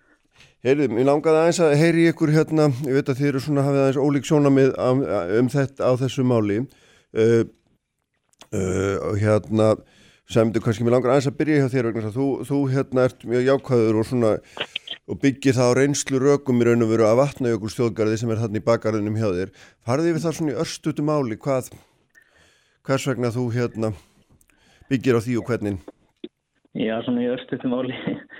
Staðrindin er sem sagt þessi að eina sögursvæðins vatnægustöðgar þar sem ég þekki til, það eru náttúruperlu sem að tefnilega miljón manns koma til að skoða árlega með tilhærandi áhrifum um starfsemi og innviði Mm. sveitafélagsins en þetta hefur ekki alltaf verið svona þegar vatnægustöðgar var stofnaður þá fyrir 11 árum eða já, rúmlega það, þá voru hérna tæplega 200 úrs mann sem komu í Skaftafell og langt flesti ferðamenni komið yfir sumamannina En nú er þetta sem sagt komið í 8-900.000 manns og næri yfir allt árið. Hefur, þessi, þetta hefur nánast fimmfaldast sem sagt. Og fyrir sjö árun til dæmis, bara sem við nefndist um dæmi, þá árið 2013 þegar Sveitafélagi vann skipilag fyrir Jökulsalón, Mm. skipilag sem átt að duga til margra 20 ára, þá var gett ráð fyrir að þanga myndi koma 250.000 manns. En en raunin var eins og við tekjum öll það má segja að það var orðið sprenging. Nú er þetta semst komið, já, sko 2014 var þetta 344.000 gestir og, og semst að núna 2 síðustu ára hefur þetta verið að bylna 8, eða rúmlega 800.000 manns. En hvort það er vegna þess að það var stopnaði þjóðgarður eða túristefnin hefur komið hvort þið er, það vil ég bara ekkert úttala mig um. En ég held að það hefur verið mikil lukka og útvíðraði kostur á þessum ferðarmannastöfumi var mætt með alls konar þjónustæðalum og, og landvörðum sem hafa starfað saman að því að taka mótöðlu þessu fólki. Mm. Og þeir landvörðinir hafa stýst aðgengi og unnið að mörgu liti frábærstarf í að leipina ferðarmannum með svæðið og sinna fræðstu og verður náttúrunar eins og kostur er. Og þetta hefði ekki verið svona að þínum að ef að þjóðgarður hefði ekki verið settur á laginnar? Ég vil, vil ekki segja það að það hefði ekki verið En þessi starfsemi sem þú ert að lýsa á ég við? Þessi starfsemi sem ég er að lýsa, hún hefur, hefur reynst svona og, og, hérna, og hérna það hefur auðvitað verið ímis raunisárið af þessu öllu. Hér hefur orðið umtalsverð fólksfjörgun og hér hafa skapað störf, tengt verðarþjónustunni og, Mhm. og þjóðgarðinum og mér skilt til dæmis að næsta sumar muni yfir 40 landverði starfa á svæðinu. En yfir vetartíman eru starfsmenn eitthvað færri. Já. En samanlagt er á Suðursvæðinu um 25 í vatnæglisjökarði sem sagt 25 árskildi. Mm. Það vinnar aldrei sem minna fyrir okkur. Já. En reynslan er sem sagt góð og ég heyri engan segja best að hverfa tilbaka og hætta, hætta með starfsemi þjóðgarsins. En eins og er svo rött háar að það er að efla starfsemina enn frekar og sérstaklega setja aukinn kraft í aðstöðu uppbyggingu eins og til dæmis á Jökulsálóni og viðar. Já, sko hérna þú segir í þinni eh, hérna, í þínu innleggi þarna í, í samráðskátt stjórnvalda að sko hérna að hugmynd og frumvarpi miðhálendis þjóðgar byggja á sömu, hugm, sömu hugmyndafræða vatnajökuls þjóðgarður og grásrótin ræði fer, ráðiferðinni og skipulagið er eins og eins og þú segir neðan frá og upp eða bottom up skipulagið þar sem vilju aðkoma heimamanna úr grásrótinni ræður í vega miklum atriðum og hérna ástað þetta er svona sjónamið sem að mér giska á að þú svona sért ekki alveg vissum að sé rétt. Já, sko ég skil af þess sæmundur á þetta. Við allt aðrar aðstæður Mm -hmm. en okkar svæði. E, það hafa um árabil komið fleiri hundru þúsund og, og miljón ferðamenn á, á Bulls og Geysi sem er þannig rétti andiri fyrirhugast viðhálend slökast og það er ekki uppbygging á vegum ríkisins sem hefur dreigið þá þángast. Það er, núna fyrst er verið að byrja að huga því að Bulls og Geysisvæðið ríki gæti ekki reykið gestastofuna við Guðfoss sem svo dæmis er tekið þannig að það er, það eru enga aðeila sem hafa dreigið að þannig vagn að finna þjónustu við ferðamenn á því sveiði. Öfust við það kannski sem að, að stærmyndur er líka þessum uppbyggingu kringu þjóðgarðin hafið þessi áhrif fyrir að ferðamanna fylgjant til að þessu fólki. Mm -hmm. En sko, við hefum svolítið bent á það að það skorti á fjármagni að finna þeim stæðum sem að þegar eru innan þjóðgast eða friðlýst stæði, að fulla friðlýstum stæðum líka á landinu. Og, og sveitarstjórn Hortnarfjörður hefur líka tekið undir það að það vantir meira í uppbygging á því stæði. Við hefum líka ekki stýstur frá það kemur það ástand frá þetta máli skattafell ekki bara afarslæg. Það segir okkur það að það vantar verulega upp á að tryggja það að þetta hafa þetta innið eins og menn allir myndi vilja helst gera. Mm. En, sko, En hefur það eitthvað með þjóðgars hugtækið að gera? Er það ekki bara trafíkinn sem að veldur því? Að þið getur það ekki alveg skjast í Reykjavík eða hvað sem er að Jú, það kemur bara á margt sko- fólki á einhvern ákveði stað? Það getur gæst, en það er mikil áherslulega á það í raukstuðningi með í að stoppa þjóðgar Já, að hann verður svo mikið stegur, svo mikið aðdráttur af þeirri aha, Og það er meðalans það sem við höfum svolítið verið að hafa áhyggjur af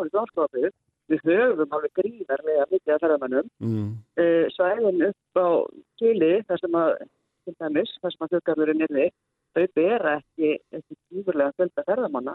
Og fyrir auðvitað það að það hefur ekki aðgengileg fyrir almenningnum að rétt yfir hásumarið, að það sér útbúin faratæki til að fara þar um á veturna og vegir, vegir lokaður og þess að þar en, en hérna og, og höfum líka bent á þann tískinning sem fælst í því að áherslu á friðum sem er góðra gælda verð og, og vernd og, og, og vernd víðarna og þess að þar og á sama tíma að þetta, þetta gríðarlega aðrættar á því ferðamenn það fyrir ekki myndir alveg sama. mm, En sko, svo er þetta þetta með stjórnunina sem er líka ólík frá því sem er á hortnafyrði yfir það sem að við sjáum í þessu brumafströfum að hortfyrringar þeir eru í þeirri stöð, þeir eru einu sveitafélum að skipa í, í svæðisröðu þar Þannig að þeir hafa haft, haft mjög góð aðkoma að þessu stjórnum.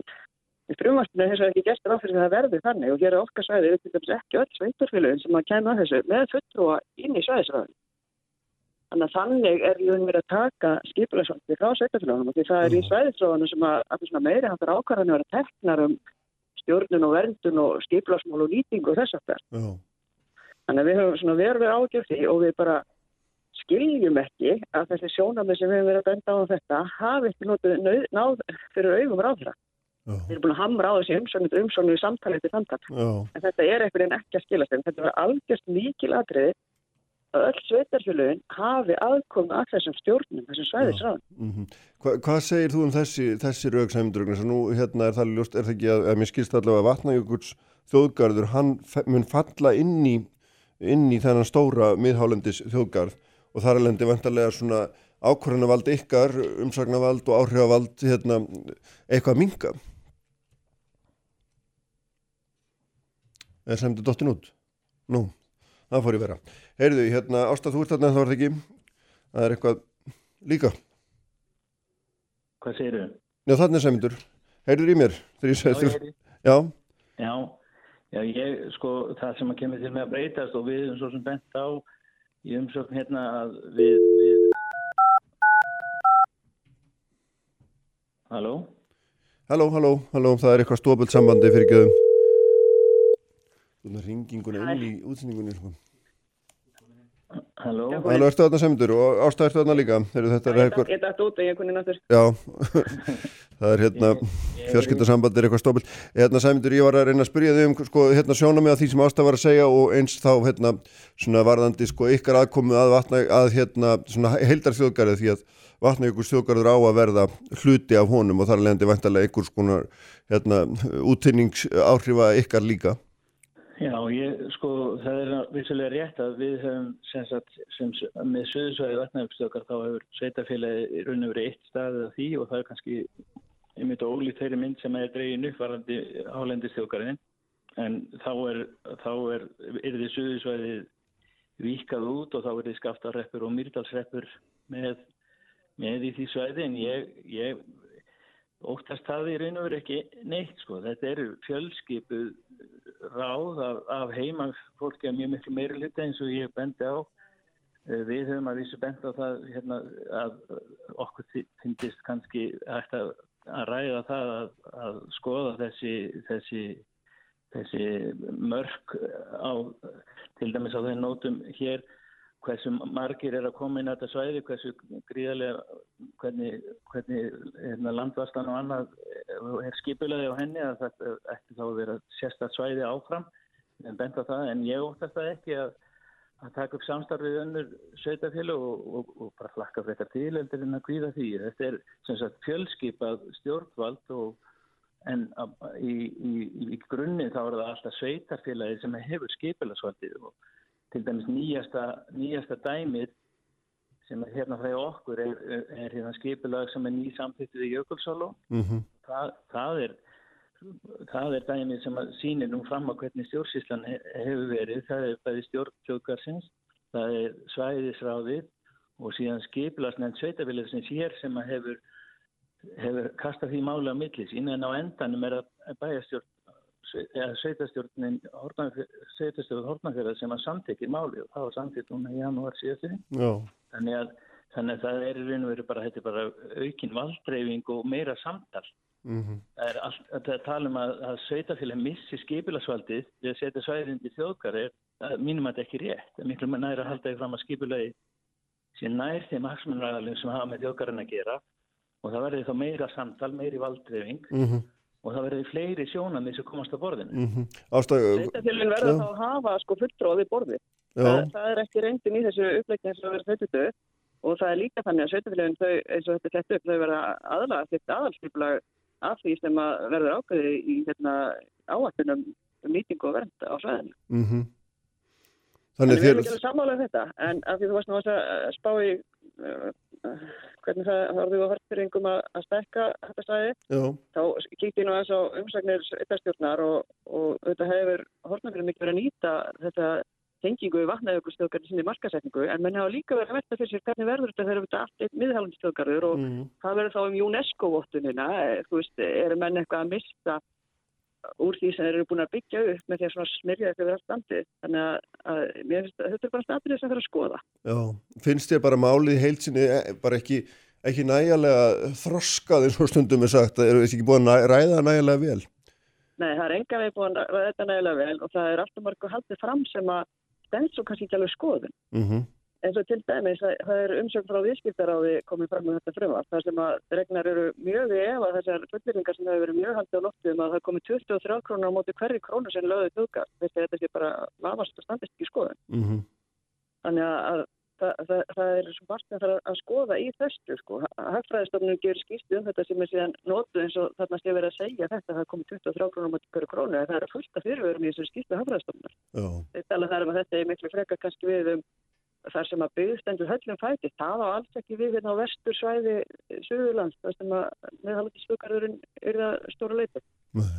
þannig að það þarf að skoða þetta mál allt betur. Hvað segir þú það, Sæmundur? Finnst þér, hérna, ert þú sáttur við þann feril sem þetta er í og finnst þér það að vera, hérna, þetta vera fullrætt og, og nægilega rætt til þess að hægt sé að, hérna, að halda áfram?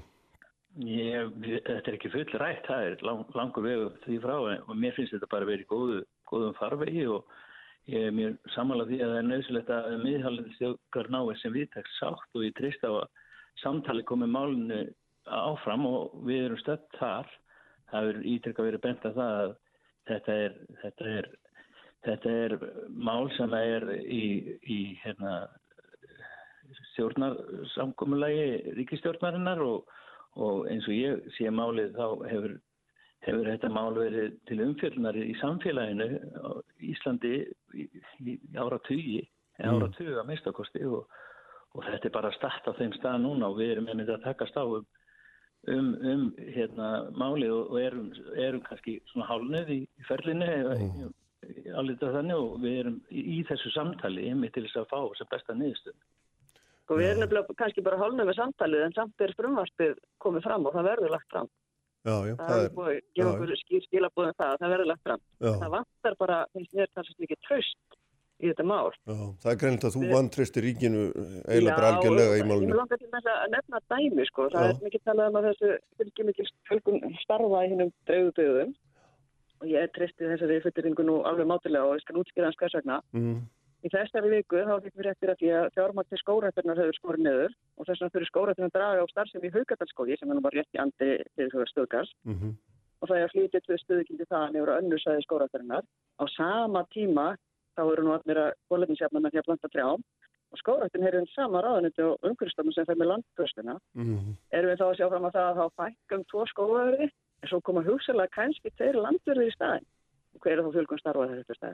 Mm -hmm, góð spurning.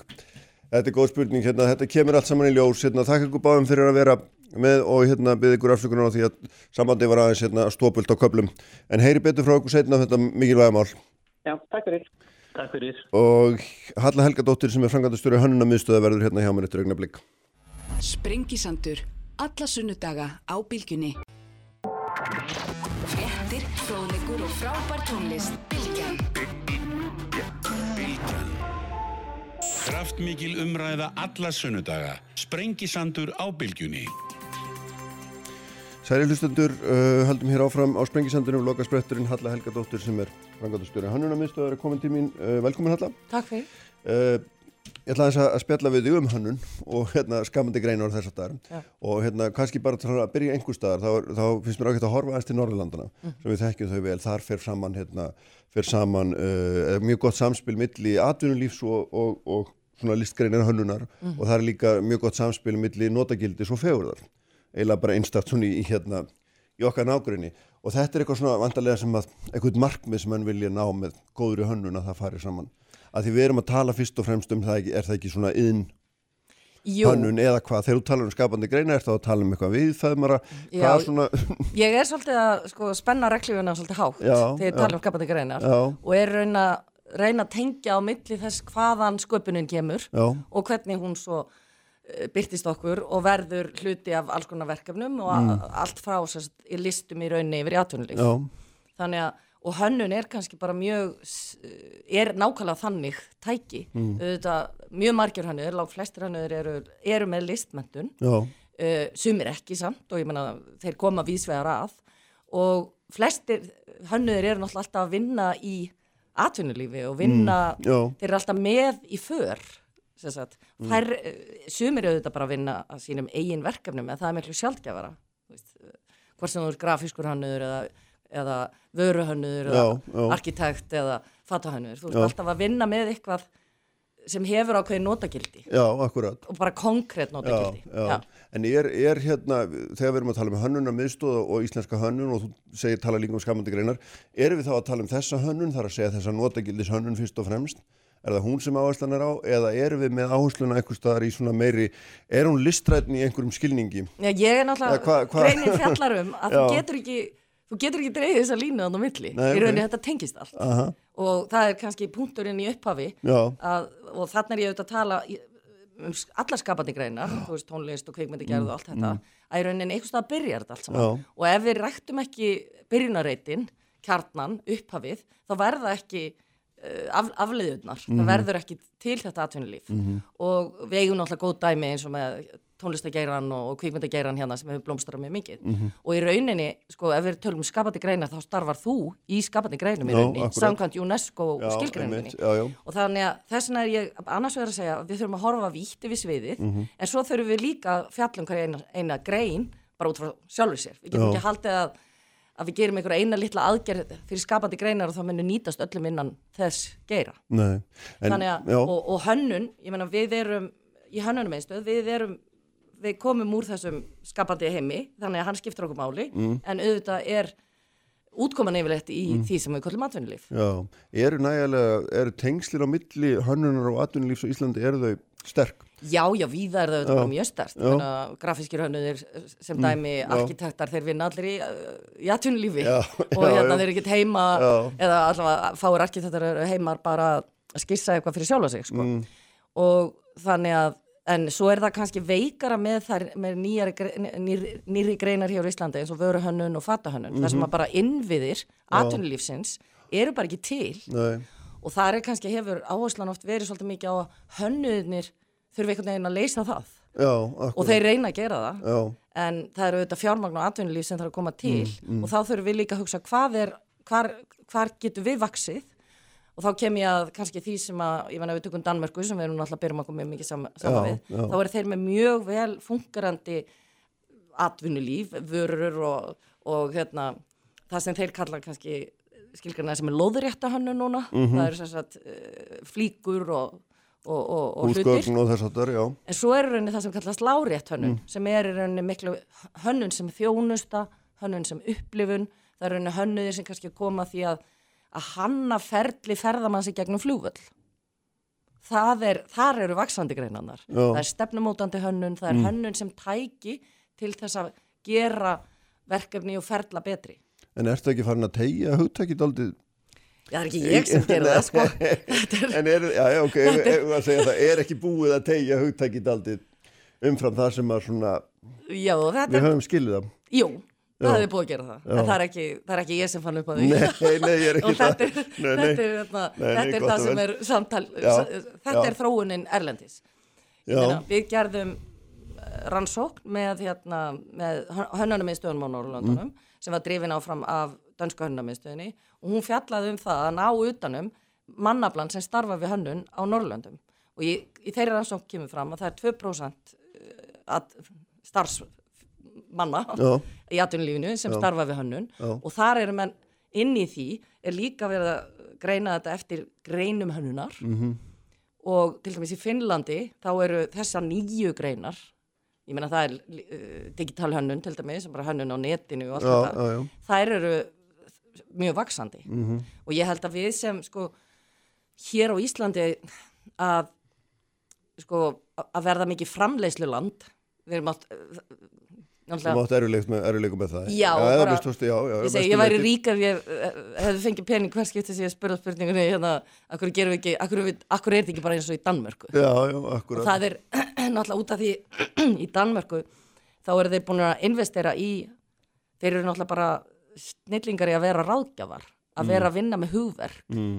að þeir, sem sagt, það er bara þeirra tradisjón, þeir eru Já. engar auðlindir og þeir investera í, í eða fjárfesta í rauninni í hönnun og hugviti Mm. og eru búin að gera það ótrúlega lengi þannig að innviðir þar eru til staðar, fullt af fyrirtækjum sem að Náttúrulega mjög sterk framleyslu hefð sem sterk. að skiptir náttúrulega gríðalega máli sérstaklega náttúrulega þegar maður kemur þessum venjuleg hlutum eins og húsgögnum og þess að dóti að það hérna er framleyslu hefðin er svo Já. þannig sé margra alltaf gömul sko. Já, og þeir eru auðvitað að gera það og, og eru komin mjög langt þá er ég alls ekki að segja að við getum ekki gert það líka, við getum auðvitað og höfum verið að gera og Mhm. við erum að eflast, það komu fullt af flottum fyrirtækjum sem að voru ekki til hérna fyrir einhverjum Já. 10-20 árum en það er kannski hönnun inn í alls konar önnur fyrirtæki, ef Mhm. við tökum bara matvalageiran til dæmis, þá hefur mjög mikið breyst þar, það er miklu meira hannað þar nú Mhm. og bara snirtuvörugeirin og síðan eru þetta hönnuðir blá, í bláa lónu, það má nefna það já. og mikið í ferðarþjónustunni Mhm. menna, bláa lónið er gríðarlega hannað Já, það er hönnuð upplifun já. og það eru Já. arkitektur og hönnuðir sem eru þar alveg í, fremstu línu röðum, já, já. og, hérna, og það er kannski afleiðan að því er að við erum komið með fleiri við erum komið með mikla þekkingu Mhm. á því að byggja upp eins og núna sjáum við fyrir þarna, bæði fyrir austan og fyrir norðan Já. Húsavík og, og þá eru komin mjög flott uh, vassupplifun fyrir Mm, ferðamanna já. en það er kannski út af því að það er komin fólk hérna sem er bara með þessa þekkingu Já. og við verðum Getur búið þetta til eða skapa hugmyndirnar Já, Já. og kann að, gera þetta Já. og það er alveg sama með, þú veist, við verðum ekkit með rosalega góðan vöruhönnunarbransa eða húsgagnaframleyslu Mm. ef enginn ætlar að borga fyrir að búa hann til Nei.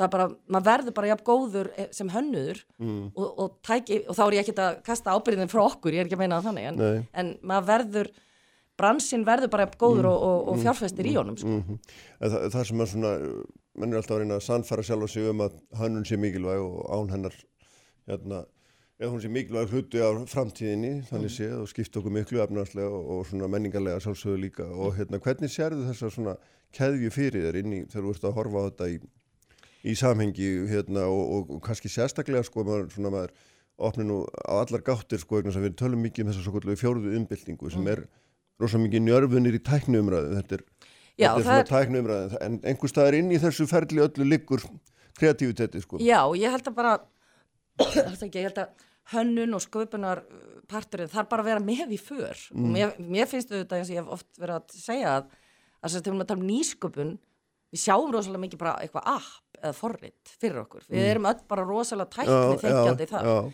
og ég held að okkur vanti pínu að opna á það að veist, við erum öll manneskjur sem erum að fara að lifa viljum lifa af þess að fjórðu innbyltingu Já. við til þess að viljum ekki láta útrýma okkur að, og hérna við viljum líka starfa og gera eitthvað Já. og þannig að, að kannski þarf mannlegi þátturinn að vera sterkari með í för Mhm. og hérna og horfa víðari við sviði þar þannig að hérna og ég held að hönnunar og það er bara mjög mikið að gerast erlendist til dæmis að hönnun er að hönnuðir og þá er ég ekki að tala um bara útlitshönnuðir en svona Mm. hönnuðir sem stútira mann, mannlega hægðun líka Já, er já. kannski með í för þegar verða að endur hanna segjum bara ferla í spítalum Mhm. og hagraða í raunni Mhm. gera það mannlegri, gera það þægilega fyrir fólk auðveldra að skilja, auðveldra að átta sig á hlutum og þar eru hönnuðir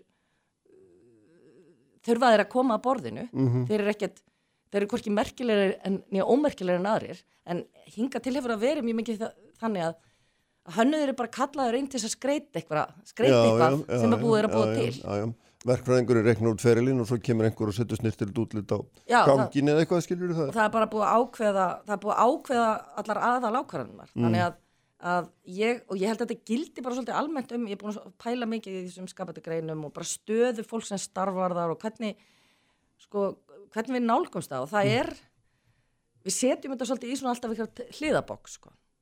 og hérna þess vegna finnst mér líka áhugavert að eins og ég upphafi greinarinnar þá er ég að nefna fólk sem enginn bjóst við að myndi Já, já, gera akkurat, nákvæmlega þú veist, við byggumst ekkit við að þetta er þið merkjum Nei, það er alveg merkild að það er Lísa Björkarna þegar hún var að ganga með hans skreittu ljóðabækurnar sinni, ég mann vel eftir því þegar hún var að Já, já. flækast um á kaffhúsum og reyna að selja gestum. vera á mensu. Já, já, einmitt, það var, já, nákvæmlega. og, og, það, og við höldum svo mikið og mér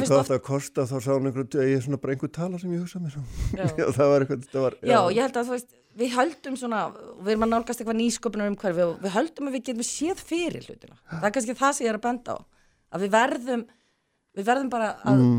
passa að það sé grasrót og gerjun Já. í nýsköpunarheimi, í skapandi heimi Já. búa til aðstæður þar sem að hluti geta gerst Já. og svo verðum við bara að leifa þeim að gerast Já. e, og margt mun ekki alveg svo í nýsköpun, ég menna fólk veit það alveg að þú veist af einhverjum hundra fyrirtækjum þá er kannski bara eitthvað tvö sem er að fara að eitthvað Já, já. en þú þart, veist ekki fyrirfram hvað það er Nei, sjálfsög ekki. Þarna, sko, og þegar maður fer að lesa í gegnum þetta svona eða skoða þetta eins og þá sér maður að það er auðvitað búið að skrifa þónakra bæklinga á sístu tíu árum eða svo og þú hefur nú verið með í nokkrum þeirra Já.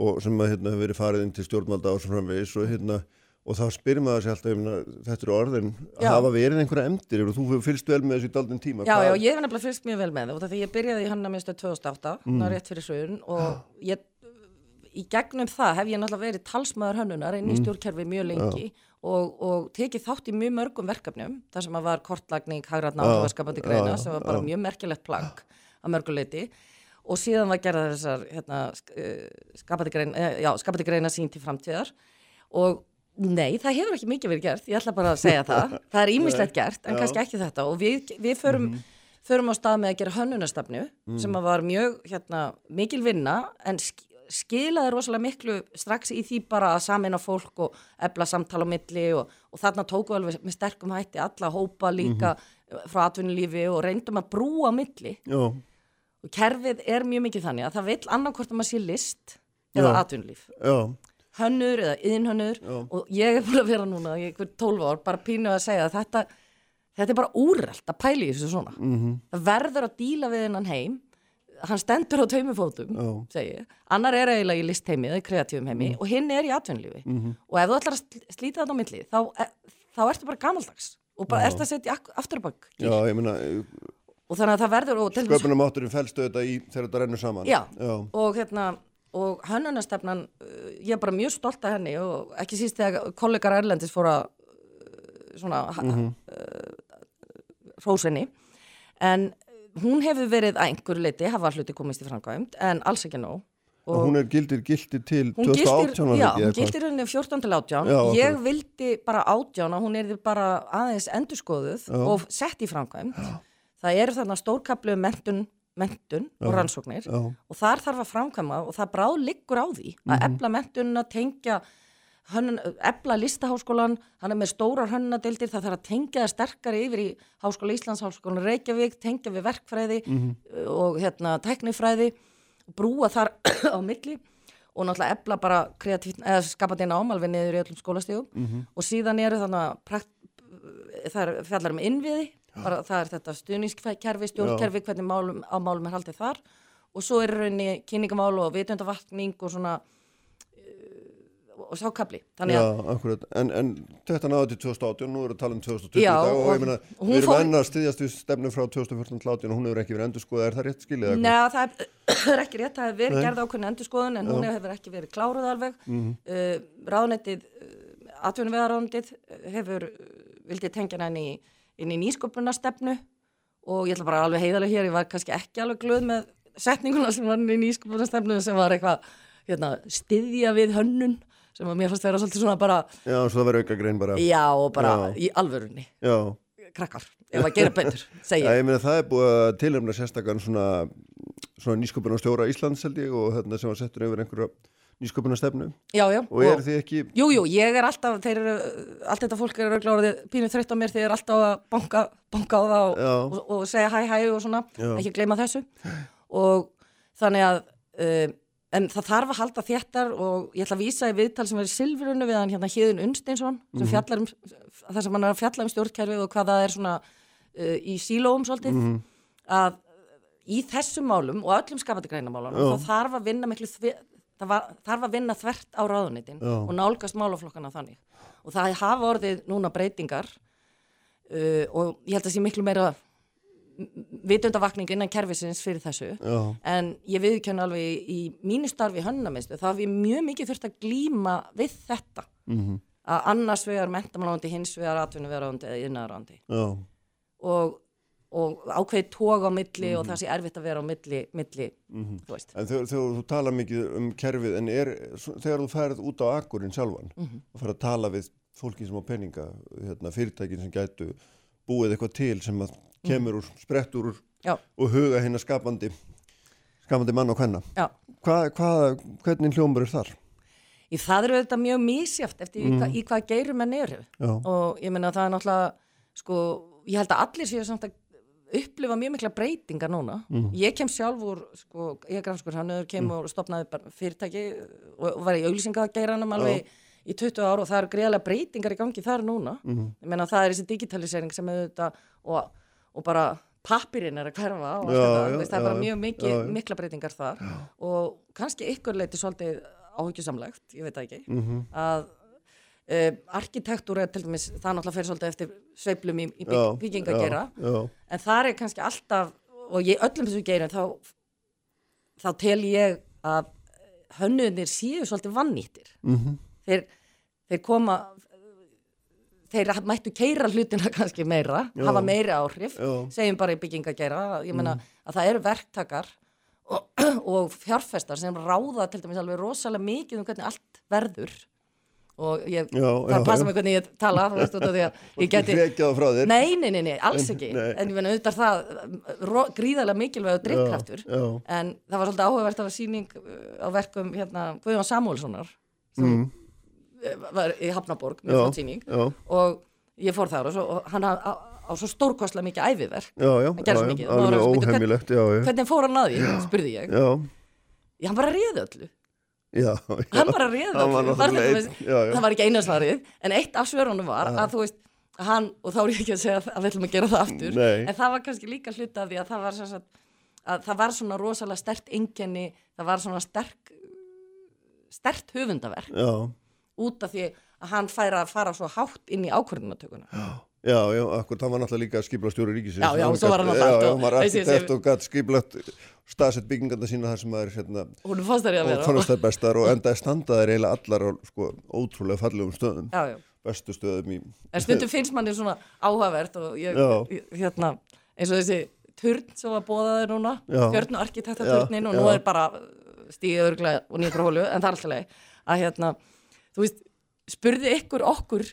alltaf hvort okkur langaði hvað fá þennan turn þú veist, og mér varst að vera svo Nei. mikið svona, mikið hróki í því að halda að ætla bara koma og stilla sér upp við okkar sko stæstu og merkilegustu byggingar og Já. finnast það bara sjálfsagt já, já, já, ykkur sem hefur kannski, Já. kannski falla komið hingað já, akkurat en þannig að það sem ég er að segja það þarf að kannski við þurfum að gæta því að hérna, eða það sem ég er að tala fyrir Mm. það, er að, það er að taka þess að geira bara svolítið meira alvarlega Já, en eitt sem að, svona, ég veit að það er ósangjart í svona stutt eftir, en sko, eitt af því sem er náttúrulega bara einkennin úttímans er bara flæði hugmynda og, og hérna, Já, já. hvernig ólík menning flæði saman og samt eru við, og afgíla allir alltaf að reyna að halda eitthvað svona innan gæslappa þjóðlegt sérstakt. Mhm. Og er það ekki, hérna, og þú ert að tala núna daldi um það, kemur einhver hinga og ætlar að leifa Já, sér að já, tegna törna, ég meina þetta er hljóta líka að vera áristrar í svona Nei, þessum fögum Já, sérstaklega. það, er- ég, nú, ég er, hef ekkert á móti að koma erlenda áhrifinga, ég er alls ekki að Nei, meina þannig ég ég bara ekki meina sko það, ákverðin að Já, takan já. í því að Já, gera þetta já.